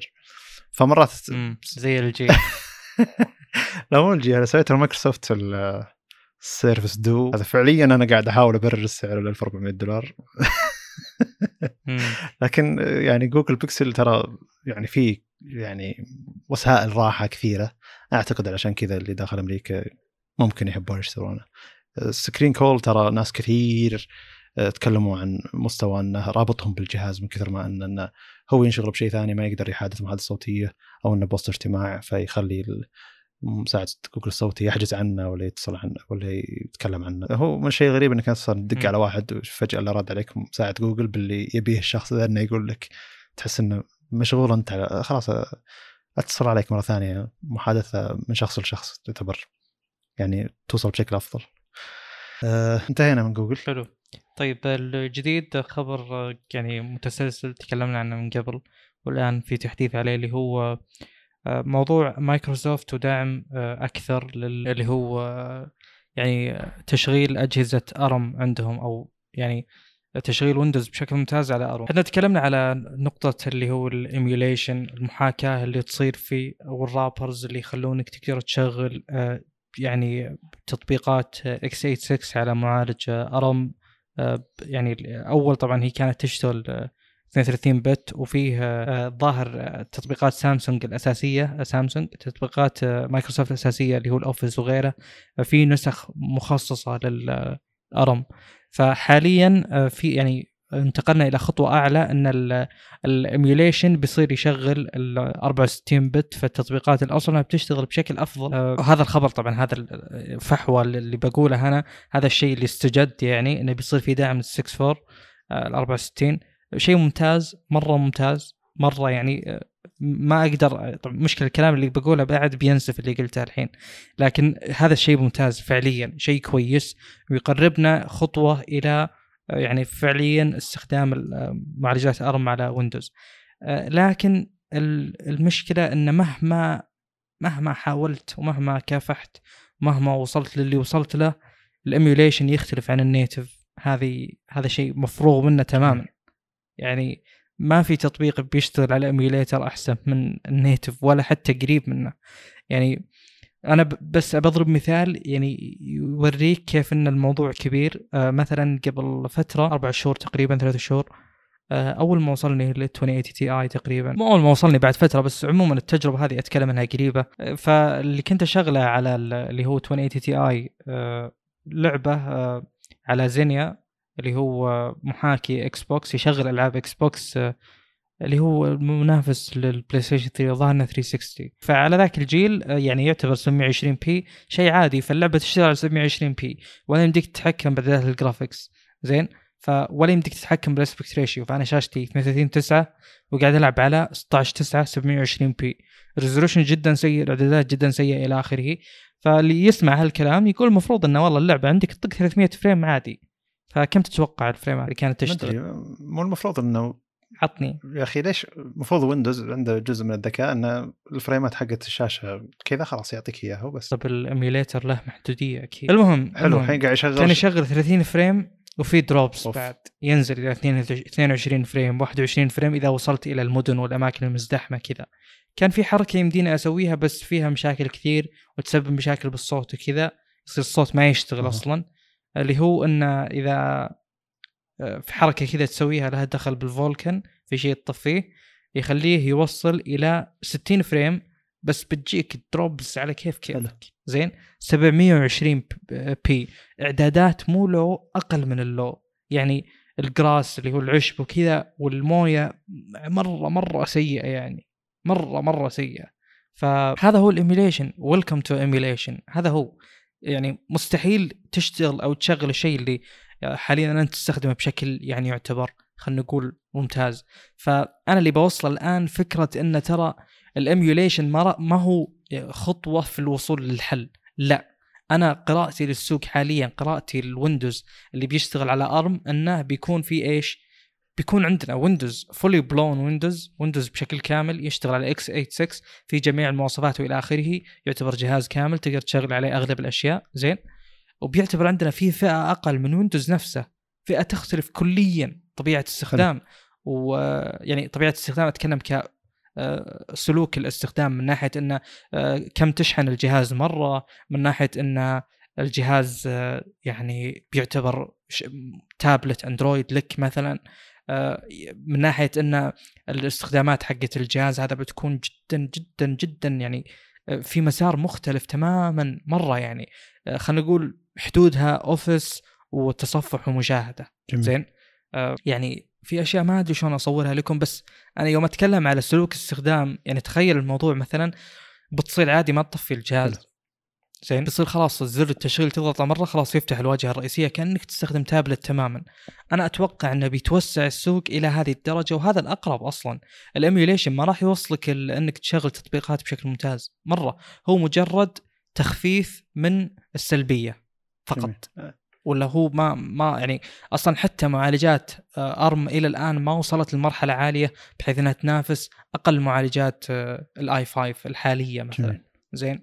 فالمو يعني اللي بيصير بشكل مختصر إنه بناخذ وقت طويل ناخذ سنين إلى أن يصير فيه يعني حتى لو أخذنا سنين طبعا هذه آه، الشركات يعني ما هي مستعدة تدفع وتستثمر وتطور من تطبيقاتها النسخ على أرم إلا واذا كان في دعم قوي جدا وأغلب الشركات دخلت على هذا. السوق زين وهذه النقطة يعني تخليني اكد لكم موضوع إن في فرق بين الاثنين من ناحية أن تخيل مثلا يصير نسخة Adobe Premiere الموجودة على ARM هي نفسها ال Rush اللي تيجي على الأجهزة الذكية الصغيرة ال ARM يعني.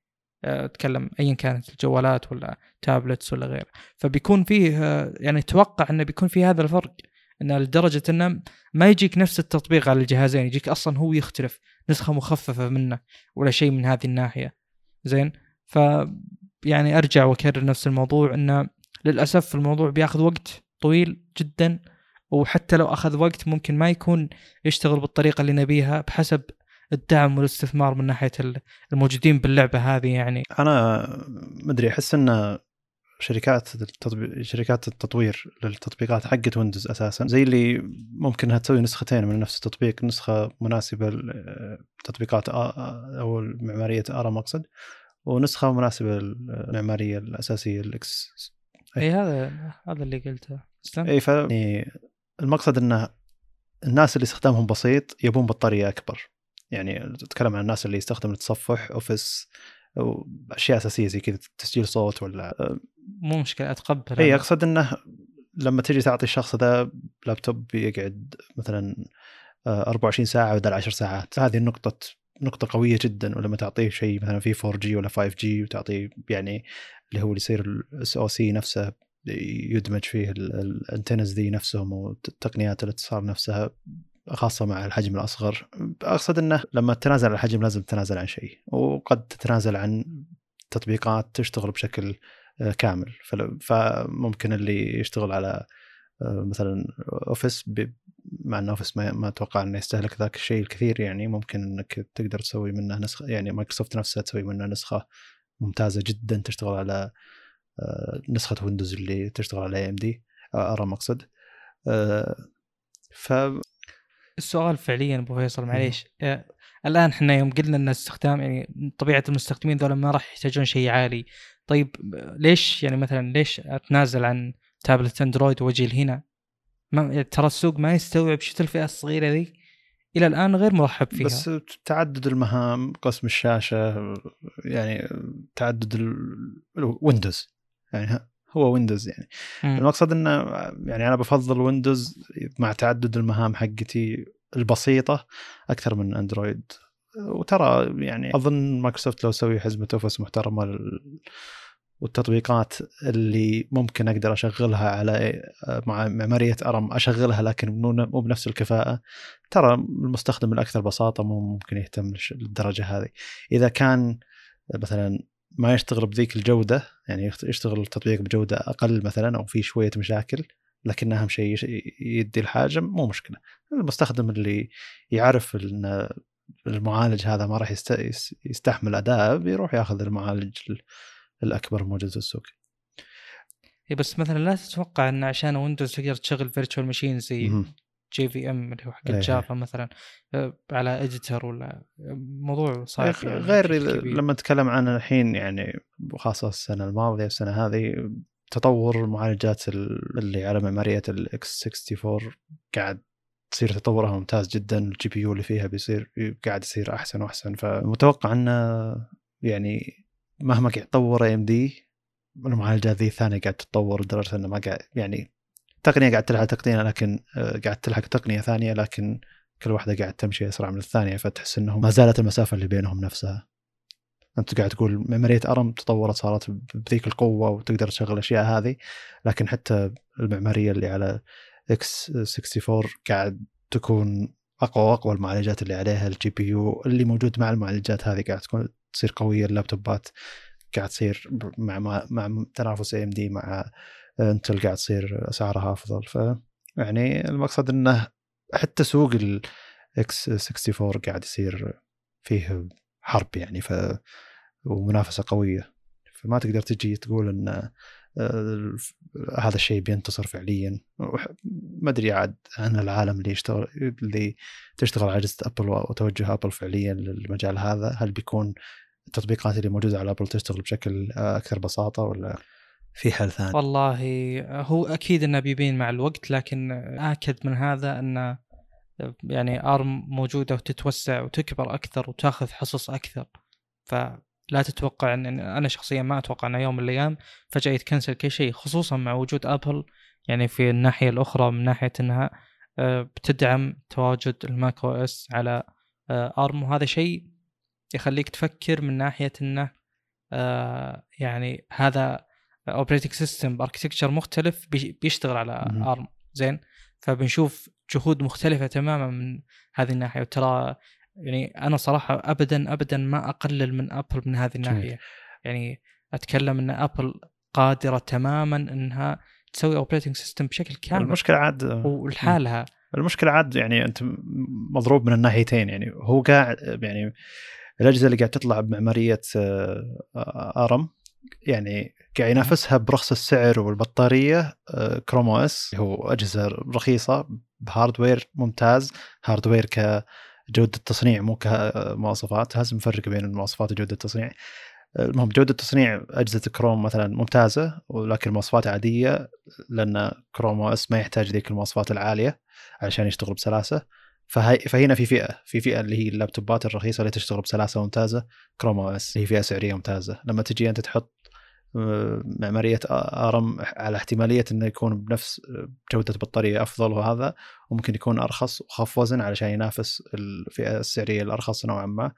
لكن موجود Chrome OS ولما تبي تنافس نفس المعمارية الثانية حقتك اللي هي ال x64 اللي هي موجود فيها منافسة بين انتل و AMD فتحس إن الفئة ذي جدا ضيقة بحيث انه لازم تتطور بشكل أسرع المطورين يتوجهون لها بشكل أفضل علشان ممكن تنجح. أو انه لا الآيباد و Chrome OS والمنافسة بال two in 1 الموجودة في ويندوز والمنافسة بالمعالجات الكبيرة الموجودة في الأجهزة المحمولة في ويندوز مع المعمارية الأساسية ال x64 تحس إن ما إحنا محتاجين فئة فئة ثانية. لكن تبدل المعمارية ما يندرى عنه. يعني أقصد أنه هل إذا معمارية ARM تبني آه، فئة جديدة شيء بين اللابتوبات وال tablet وال Chrome OS 2 in 1 ولا بيكون نفس الفئات هذه بتستخدم الشيء ذا؟ يعني ممكن 2 1 يستخدم آه، معالجات آه، على معمارية ARM مباشرة ولا؟ يعني أقصد أنه جدا التنوع كبير والسوق يعني في منافسة قوية لدرجة أنك ما تدري لو انفصلت يعني المعمارية هذه الأجهزة المخصصه هل هي بتنجح ولا لا. أنا كنت أتمنى إنه يكون في جودة بمعالجات أرم الموجودة بالسوق لدرجة انه حتى لو فرق المعمارية لما المطور يحاول يطور المعمارية هذه يقدر يسوي الأشياء اللي قاعد يسويها على المعمارية الكاملة الاكس 64 جميل. آه طيب. إحنا إحنا ما نتكلم عن الكاميرات بشكل مفصل.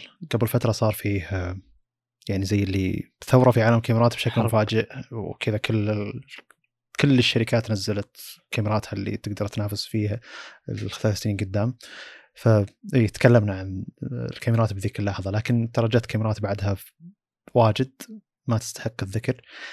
حتى الكاميرا ذي ممكن ما تستحق الذكر لكن علشانها بنظام أندرويد كنا خلينا نجيب طاريها لأن بتشوف إنها تملي آه، العالم التقني أو عالم الأخبار التقنية. آه، شركة زايس اللي هي شركة ألمانية مخصصة للعدسات والعادة إنها تتعاون مع نوكيا تتعاون مع سوني تتعاون مع أكثر من شركة علشان تسوي عدسات لهم.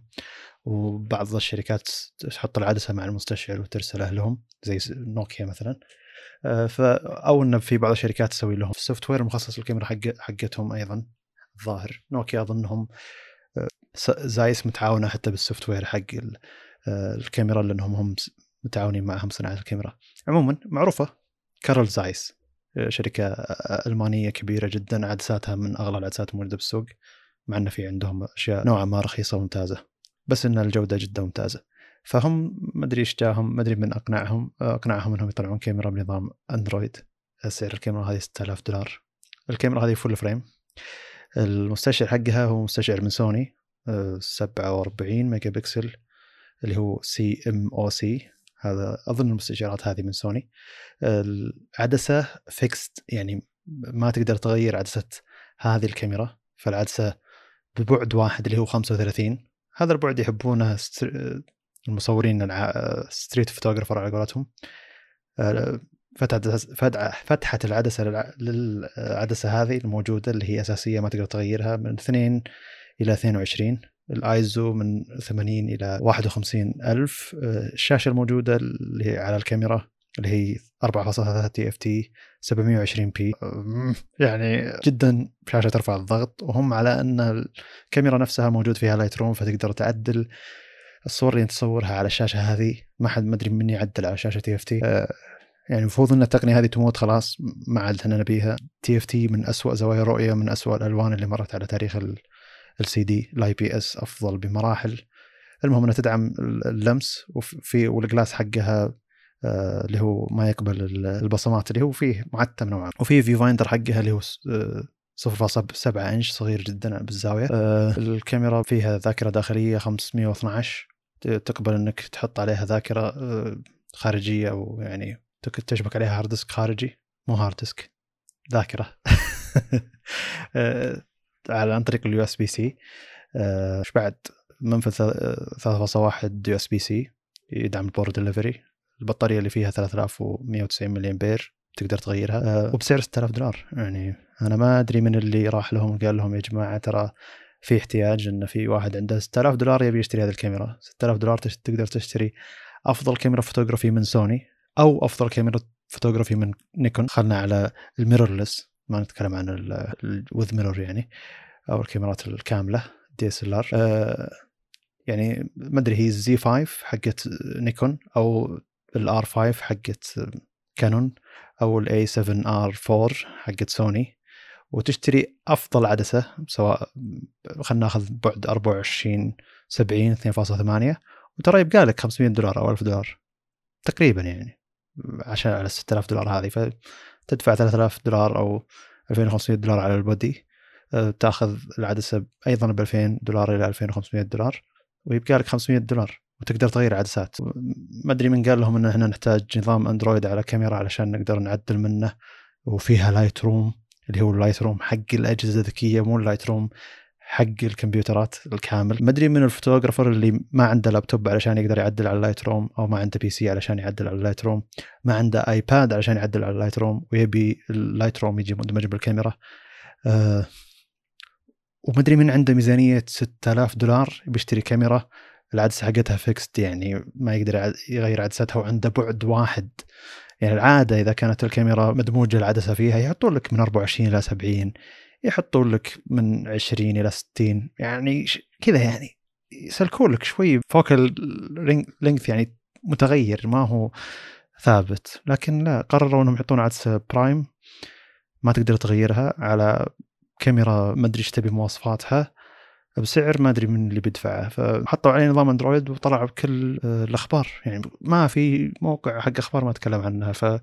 فاذا جاء طاري الكاميرا هذه بالله يعني قل اي واحد اذا إذا عندك 6000 دولار أعطني إياها وأعطيك أفضل من الكاميرا اداء وأكثر حرية.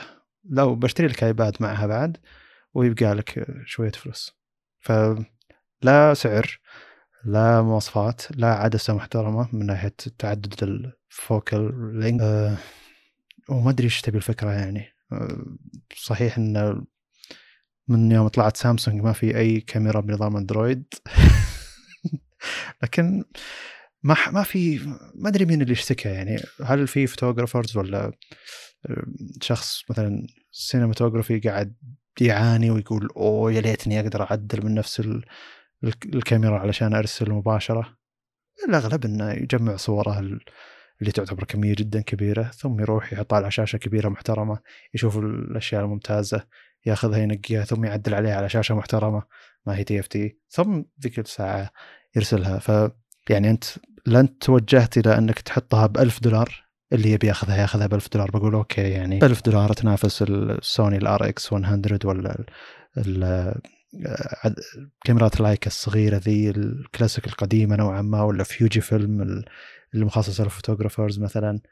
لكن 6000 دولار؟ ليه؟ يعني أقصد الناس اللي بالميزانية هذه ما يفكرون بالتفكير هذا. بالعادة إنه هو عنده الميزانية هذه علشان وراه شغل كبير. والشغل كبير معناته إنه أصلا هو عنده عدة كبيرة. معناته إنه عنده شاشة عنده PC محترم عنده لابتوب محترم عنده شاشة ألوانها دقيقة. يقدر ينوع بالإنتاج حقه فيحتاج عدسة متنوعة فوكـ focal length يعني آه، ما أدري إيش تبي الكاميرا هذه. أول شيء قلت إنها okay يعني هي زي ما سيجما حقت شركة العدسات تحمست وطلعت لنا مثلا سيجما fp قبل سنة ونص أو سنتين. لكن الحين رجعت للسيجما fp وأقول أوه الله يرحم ذيك الكاميرا يعني آه، على الأقل فيها أشياء محترمة وب 1800 دولار وتنافس كاميرات الفيديو الموجودة بالسوق آه، وتصور RAW على الأقل تقدر تشبك عليها SSD خارجي. يعني تحس إنها بلاك ماجيك بس إنها أصغر شوي لكنها نوعا ما يعني آه، يعني مخصصة الناس اللي ما يحبون بلاك ماجيك أو الناس يبون جودة تصنيع أقوى مثلا ولا ما أدري معنى. بلاك ماجيك كل ما جاء طاريها آه، زي اللي ما في منطقية للمواصفات مقابل السعر. بس عموما زي الكثير يجونك شركات كذا يعني يعطون الناس اللي يدورون على مواصفات الشيء اللي يبونه بأفضل سعر والشركات هذه تحترم عشان تسوي الشيء هذا. المهم انه فرجعت أنا لل Sigma fp وقاعد أقول انه يعني يا زين الكاميرا هذه عند اللي قاعد تقدمه زايس، الكاميرا هذه قابلة للاستخدام تقدر تحط لها rig تقدر تستخدمها كفيديو تصور raw تصور ولها picture profiles flat picture profiles يعني فيها auto focus يعني مخصصة لل videography أكثر يعني أو cinematography على قولتهم. لكن آه كاميرا زايس الجديدة هذه حتى اسمها ما قلتها حتى الاسم ما قلته مسمينها ZFX مدري Z ZX1 مدري عموما انه حتى ما تستاهل إنك تبحث عنها اسمها ZX1 نعم. يعني لا تصميم محترم لا الأزرار محترمة من ناحية إنك تبي تعدل بسرعة. ويعني كذا كاميرا مربعة عليها عدسة آه، زايس وعليها نظام أندرويد بسعر مبالغ فيه والعدسة ما تقدر تغيرها. يعني أنتم زايس المفروض إنك تسمح بتغيير العدسات وتحط عدسات مخصصة لكاميرتك بشكل ممتاز علشان تسوق لعدساتك اللي هو تجارتك الأساسية. مو تجي تحط لي كاميرا مثبتة عليها العدسة وخلاص يعني اللي بيشتريها ما راح يشتري أي شيء ثاني منك. فشيء صعب صراحة. يعني من اغبى المنتجات اللي شفتها السنة هذه مع المنافسة الموجودة في سوق الكاميرات. بس يا أخي يعني الفئة المستهدفة من هذه الكاميرا أنا ما أدري منهم ما قابلتهم شخصيا. بس أنا شفت التعليقات اللي على إعلانهم سواء بيوتيوب ولا غيره في ناس يقولون يعني هذا الشيء اللي نحتاجه. هذا الشيء اللي نبيه. نبي شيء كذا سريع ومدري شو. ومستعد يدفع 6000 دولار الشيء هذا هذا السؤال الثاني. لا يمكن ما قروا السعر في احتمالية ترى. ما شافوا السعر. لأنه والله أنا قاعد ألقى أحاول ألقى شيء واحد كذا ثوري جدا. زي في كاميرات يعني كانت كنت أستغرب جدا من أسعارها. للأمانة إلى الآن ما أدري وش اللي مخليها غالية.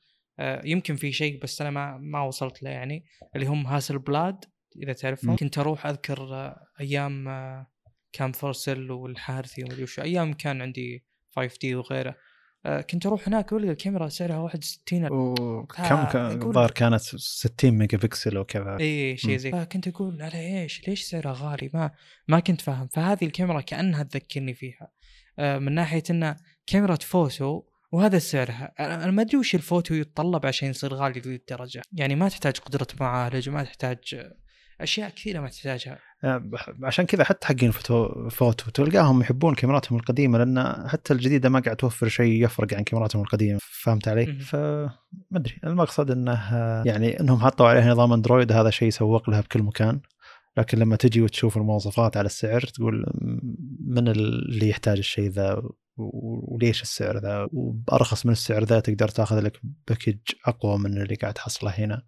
والعادة الناس اللي عندهم الميزانية هذه هم حقين شغل فعلي مو شخص يبي بس إنه يصور وينشر على ال social media بشكل مباشر. يعني photographers عنده 6000 دولار هذا يبي يطلع قيمة آه، من الشيء اللي قاعد يدفعه. ما هو بس يبي يصور وينشر على ال social media ما أدري يمكن مع فئة المشاهير اللي يصورون دايم يحتاجون شيء زي كذا مثلا إذا كان واحد عنده 4 مليون على الإنستغرام ممكن يكون عنده 6000 دولار يقدر يدفعها على كاميرا من زايس. 6000 6000 هذه أبو فيصل ما صعبة يعني. والله لو 3000 دولار وداخل على فئة منافسين أعلى منك يتكلم يعني ممكن تكون مقبولة. بس يعني لا أندرويد يحتاج إنك يعني دقيقة خلينا نفكر فيها إنك تبي عتاد آه، جهاز رائد من أندرويد خلينا نقول ألف دولار مو مشكلة. وتبي تعطي sensor مثلا قوي جدا خلينا نقول يوصل مواصيل a7 III خلينا نقول 2000 دولار. يلا طيب هذه إحنا جبنا لك best of both worlds على قولتهم. جبنا لك الأحسن من هنا والأحسن من هنا. 3000 آه، دولار تعتبر يعني okay تمشي تمشي مو مشكلة. بس إنك توصل 6000 ترى ما ما في ولا شيء منطقي بالموضوع. ولا شيء. يعني ما في ميزة نقول أوه والله هذه حقت آه، كاميرات رائده صارت إيه وتحط هنا. شاشة من أرخص الشاشات اللي بالسوق وتحط بالضبط. عدسة يعني ما. ما هي قابلة للتغيير والعدسة ما هي يعني يسمونها هذيك العدسات اللي تجي جدا صغيرة اللي هي بانكيك العدسات اللي fixed يعني اللي هي prime lens اللي هي تجي عدسة ثابتة البعد وصغيرة و2.0 ترى دائما تجي عدسات صغيرة جدا ما تجي نفس اللي موجودة على الكاميرا هذه طالعة برا الكاميرا ف حتى لو أخذت مثلا لنفترض إنك تأخذ أي body صغير اللي هو mirrorless ثم اخذت عدسة آه، اللي هي compact هذه أو بانكيك بتطلع أصغر كحجم من هذه العدسة أو هذه الكاميرا كاملة وأرخص بمراحل بمراحل بمراحل. وثم تأخذ لك ايباد عليه ايباد عليه Lightroom وخلاص تنشر مباشرة من هناك. ما أدري ما أدري ما أدري إيش يبي السعر صراحة ولا ولا المواصفات. طب خلنا خلنا نحاول نبرر يعني. ونخلي الموضوع معلق. زين. لا فعليا. وإذا جاء إذا نزلت خلينا نقول تجارب وقتها والله نقول. أكيد هذا يعني فعلا على حق ولا لا بس عموما يعني هي شوف يعني عموما اللي ينتج فيديو يستصغر ال photographers. حتى لو جاء شخص photographers وقال أوه هذه الكاميرا اللي أحسن كاميرا موجودة تقول يا رجال photographers يعني شيء بيسوي ترى؟ بيث... اي بيثبت أقل. صورة ويعدل عليها ب Lightroom. يعني ترى كاميرات واجد تسوي لك الشيء ذا و... يعني مثلا بالفيديو كنا نتكلم عن إنه ما في كاميرات mirrorless تدعم 10 bit إلا مثلا من فوجي فيلم آه، أو باناسونيك مثلا. آه، فيوم طلعت سوني وكانون شيء يدعم ال 10 bit ويدعم بعضها ال 8K و 4K إلى 120 وهذا. هذا شيء يحتاجه ال cinematographer أو اللي اللي ينتج فيديو عموما. يحتاجه فعليا. يحتاج 4K 120 فعليا. خاصة إذا ما عنده شيء آه، ما عنده gimbal مثلا عشان يثبت اللقطة أو يحتاج slow motion بشكل عام يعني. فهذا شيء فعلا يحتاجه. فيروح يدفع 3000 دولار على body اللي هو كاميرا body ممتاز. شيء يحت... يقدم شيء يحتاجه. فلما يتكلم عن شيء هو يحتاجه ويعرض النتائج وهذا تقول هذا شيء منطقي. لكن لما يجي شخص يقول لك آه، اللي يحتاجه إن يكون في نظام ذكي على الجهة على الكاميرا نفسها علشان احوله على انستغرام أو اعدله على ال Lightroom وأنشره بشكل مباشر تقول له يعني طلع ذاكرة ال SD وحطها على أي لابتوب وحطها على ال Lightroom وانشره بالمكان اللي أنت بيه يعني. ولا حقين ابل اللي عندهم AirDrop مثلا اللي هم أغلب ال photographers اللي هو نقل الصورة سهل بالنسبة لهم من ينقلها على اللابتوب شيء سهل ينقلها على الكمبيوتر على الجوال حقه لأنه في AirDrop مثلا. المقصد إنه هو أنت أصلا أساسا كشخص photographers أو يحتاج الكاميرا هذه هو عنده العدة اللي أصلا مغطية اللي الشيء اللي يحتاجه بدال الكاميرا أحس يعني شخص محدود ما يقدر يدخل بأي جهاز إلا جهاز واحد المكان ما يقدر يصور فيه فهمت اللي؟ ولازم ينشر الشيء ذا بشكل مباشر. يعني أقصد جدا احتياج دقيق والسعر ما يبرر الاحتياج هذا نروح الموضوع اللي بعده أنا أحس إنه يعني ما يستاهل الموضوع ولا أصلا ما في موضوع بعده. ما في. جميل. طيب آه، شكرا لكم على استماعكم الطيب. واللي أكيد إنه طيب وكالعادة طيب ولا زال يعني. أه طيب خلينا ناخذ عوضناكم أتوقع اسلم خلينا نأخذ في سؤال هنا. المنشن. قال لي ليه تتكلمون عن آلية لو اخترق حسابك في الواتساب؟ أفضل حل وش الطريقة الأفضل لحماية حسابك؟ إذا طيب انسرق المايك معك أخوي عبد الله. وبعدين تكلم قال أعطونا رأيكم بالبكسل 5 تكلم عن البكسل 5 ما يحتاج. والسؤال اللي قبله كان يتكلم عن أعطونا رأيكم بالكروت الجديده مع 1080 ومشكلة التوفر هذه تكلمنا عنها. أه بس عموما الواتساب ما يخترق بدون لا تعطي أنت الرمز للشخص اللي طلب منك الرمز. فأنا الحين في حوالي اثنين إلى ثلاث آه، عمليات احتيال في اختراق الواتساب.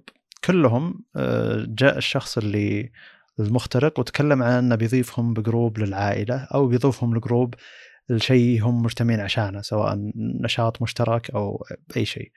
فيقول لك ادخل على الرابط هذا اللي هو يحط يحط رابط واتساب لما تدخل عليه يرسل له وش رقمك لأنه هو أصلا ما يعرف رقمك. فهو الحين خلاص يصير يعرف رقمك فيسجل دخول من رقمك على الواتساب. ثم يقول لك آه، أنت دخلت على الواتساب الحين أو دخلت على الرابط ذا ولازم تعطيني الكود اللي جاك علشان نقدر ندخلك للجروب. الناس ببساطتها تقول okay أنا أصلا أبي أدخل الجروب ذا سواء جروب أقارب أو نفس ما تكلمت جروب أشخاص مهتمين بشيء واحد. يبون يدخلون لجروب واحد أو يبي يضيفهم لجروب واحد. آه، فيعطيه الرمز اللي جاء على من الرسائل. أظن أي واحد يسمعنا بالبودكاست ما راح يرسل الكود حقه لاي شخص لأن أصلا مستوى فهمه التقني ممتاز. لكن الأشخاص البسيطين اللي حولي اللي هم فهموا إن هذا فعلا يبي يدخلهم جروب والكود هذا فعلا يدخلهم جروب هذا شيء لا يصدق أصلا من أي شخص عنده ولو اطلاع بسيط على شلون تشتغل التقنية هذه أو شلون تسجيل الدخول للواتساب حقه يقبل الدخول. فأغلب اللي حولي صارت لهم نفس الطريقة هذه. فأنت أساسا من يجيك واحد يقول لك نبي ندخل جروب مثلا آه، حقين مهتمين بالشيء الفلاني بالكاميرات الفلانية أو الشيء الفلاني. ثم يرسل لك رابط. حتى إذا دخلت الرابط هذا هو ما راح يطلع على رقم جوالك. بعدها بيحاول يسجل الدخول بيجيك رمز. لا تعطيه الرمز ذا. مرات فعلا يرسل لك شخص مهتم فعليا وليس مخترق ويرسل لك رابط حق دخول جروب الواتساب زي إحنا بالجامعة مثلا يرسل لي الرابط يا جماعة أعطونا رابط الواتساب حق جروب الشعب الفلانية. وفعلا كلنا ندخل عليها وندخل جروب بشكل مباشر ما يحتاج حتى رمز ولا يحتاج موافقة ولا شيء. بهذا أساس الواتساب شلون يشتغل مع روابط الواتساب. لكن الأشخاص المخترقين عموما بيجيك يطلب منك الكود وبدون الكود نهائيا ما يقدر يدخل على حسابك في الواتساب أو يخترقه. فأغلب الناس على بساطتهم يعتقدون أن فعليا الشخص هذا علشان يدخلهم الجروب يحتاج الكود هذا فيرسلونه بحسن نيه وزي ما قلت أعتقد أن أي شخص يستمع لنا بالبودكاست هو فاهم أصلا أن الاكواد اللي توصلك هي اكواد خاصة بتسجيل الدخول لأي حساب من حساباتك. ومرات تكون يعني زي اللي ليش وصلني الكود هذا؟ أكيد في واحد يدخل يجرب إنه يدخل على حسابي. أعتقد لو واتساب هو لو واتساب آه، من جوجل كان ما يمديها احد يسجل كان ما يمدي أحد يسجل دخول من جهاز ثاني إلا يزعج جوجل إنه من كل مكان ترى في أحد تحاول يسجل دخول زي ما تسجل دخول على الجيميل على أي جهاز جديد يشب عليك بكل أجهزتك. ترى في جهاز جديد دخل ها هذا أنت ولا مو أنت؟ تأكد. على كل أجهزتك وبإيميلك وحتى لو تحط تصديق بيسألك مرة ثانية ها أنت متأكد؟ نحذفه ما نحذفه. هي معيارية أمان جيدة لكن نوعا ما جوجل معروف إنه مزعج يعني من هالناحية. لكن هي معيارية أمان جيدة. لكن عموما باقي التطبيقات بشكل عام ترسل لك رمز علشان تأكد دخولك. ف آه بس اللي لا لا تعطي الشخص ذا الرمز عموما. آه، لأن في الغالب إن الحالة الأولى اللي جاني الشخص اللي جاني إنه كان واحد مسجل بحساب يشبه شكل حساب واحد من قرايبه. ويقول لو إني ركزت ودخلت على حسابه لقيت ما في صور. وال username متغير فيه شيء يعني مثلا بدال ال O حاط صفر ولا فهمت اللي بدال ال I حاط L شيء كذا اللي ما يلاحظ لما تطالع أول شيء. وهو يقول فعليا لما اخترق حسابي دخلت على حسابي في إنستغرام لقيته محذوف. يعني حتى ما لقيت محادثتنا اللي كانت معه يعني فيوضح الاحتيال لو تركز بس شوي. أكيد. يعني آه، في في سؤال قبل لا أكمل. الحين الكود هذا اللي حق اتكلم الرمز الست أرقام مو اللي يوصلك رسالة اللي يتحقق منه واتساب كل ثلاث أيام تقريبا. أيوه. آه، ما يلعب دور بالحسبة يعني؟ المفروض إنه يمنع الشخص الجديد إنه يحطه. المفروض هذا اللي يفعل تقصد الدخول بخطوتين أو كذا؟ مو بخطوتين هو في الدخول بخطوتين لكن ما أدري وش الخطوتين الصج يعني. أنا أشوف إن الكود يكفي. الخطوتين الظاهر بصمه وكود أو كود خاص فيك أنت رقم سري وغير الكود اللي يوصلك. فحتى لو ذاك طلب الكود وأعطيته إياه يحتاج يحط رقمك السري. فيعتبر شيء جيد. موجود بالواتساب عموما تأكد بخطوتين. موجود تليجرام تأكد بخطوتين. شيء يعتبر ممتاز. جوجل طريقتهم ممتازة إن لما يدخل أي جهاز على الايميل يقول لك هل هذا أنت من أجهزتك الباقية؟ لما تقول له لا مباشرة يطلعه. فما يكون عنده فرصة أصلا إنه يدخل ويكمل شغله. حتى لو حاط رمزك الأساسي يعتبر نقطة تعتبر نقطة جيدة حتى لو يطقطقون عليها الناس يعني فتخيل لما يدخل عليك شخص من واتساب من جهاز ثاني يجيك تنبيه بالواتساب الاساسي إن هل هذا جهازك؟ لو هو جهازك بتحط okay، لو ما هو جهازك بتقول له لا بيطلع بشكل مباشر، هذه نقطة أمان جدا ممتازة. أنا أحترم جوجل على الشيء اللي قاعد تسويه رغم انه ما أظن في حساب حق memes بتويتر إلا طقطقوا على السالفة ذي انه لما تدخل على جهاز جديد بالهذا يا إن SWAT داخلين على بيتكم ولا فهمت اللي صاير لك شيء يعني لأن جوجل بيتاكدون أن هذا فعلا أنت؟ هو على الأقل يعني آه، نرجع على موضوع تليجرام والزحمة هذه المواضيع اللي دائما نكررها. على الأقل لو في مخترق دخل لحسابي بواتساب على الأقل أصير أنا موجود طيب مو أطلع. هذه هذه هي المشكلة فعلا اللي أتوقع اللي سأل بتويتر كان يقصدها اللي هو كيف استرجاع الحساب. استرجاع الحساب هي آه، إذا إذا ما قدرت من أول تحط آه، يعني الرمز اللي يجيك تطلب إنهم يتصلون عليك. في العاده المخترق يكون مغير اللغة علشان أنت ما تعرف اللغة ذي فما راح تعرف الأرقام اللي جتك. فما راح تقدر تجرب إلا بعد ما ينتهي الوقت المسموح فيه إنك تجرب كم مرة تدخل. أظن دايم 24 ساعة يكون أو زي كذا. لما تراسل الواتساب ترى يمكن بعد 18 ساعة 15 ساعة يحذفون الأجهزة الموجودة على حسابك بالكامل. ثم تسجل دخول من جديد كأنك شخص جديد يعني أو كأنك داخل من جديد على حسابك. بكذا حتى لو جاء هو مرة ثانية يحاول يسجل دخول بيطلب منه الكود الكود هذا بيجيك ما راح يجي وأنت ما راح تكون أصلا متواصل معنا لأنك عرفت إنه في عملية احتيال أساسا. بس عموما إنه تأكيد على مسألة أساسية وبديهية بالنسبة لأي شخص يفهم ولو شيء بسيط بالتقنية ان الاكواد اللي توصل لك لجهازك ورقم جوالك هي مخصصة للدخول للحساب ما هي مخصصة إنك تدخل جروب مع شخص ما هي مخصصة إنك تروح شيء مع ناس يعني ما لها علاقة. وش له علاقة إنه يرسل لي كود علشان أدخل جروب على واتساب؟ معروف جروبات الواتساب إنها تدخل بشكل جميل. خلصنا هنا؟ آه انتهينا نعم. طيب يلا أنت اختم. إيه. أنا ختمت و... يلا السلام عليكم. اشوفكم إن شاء الله الحلقة الجاية اللي بعدها. تمام يلا.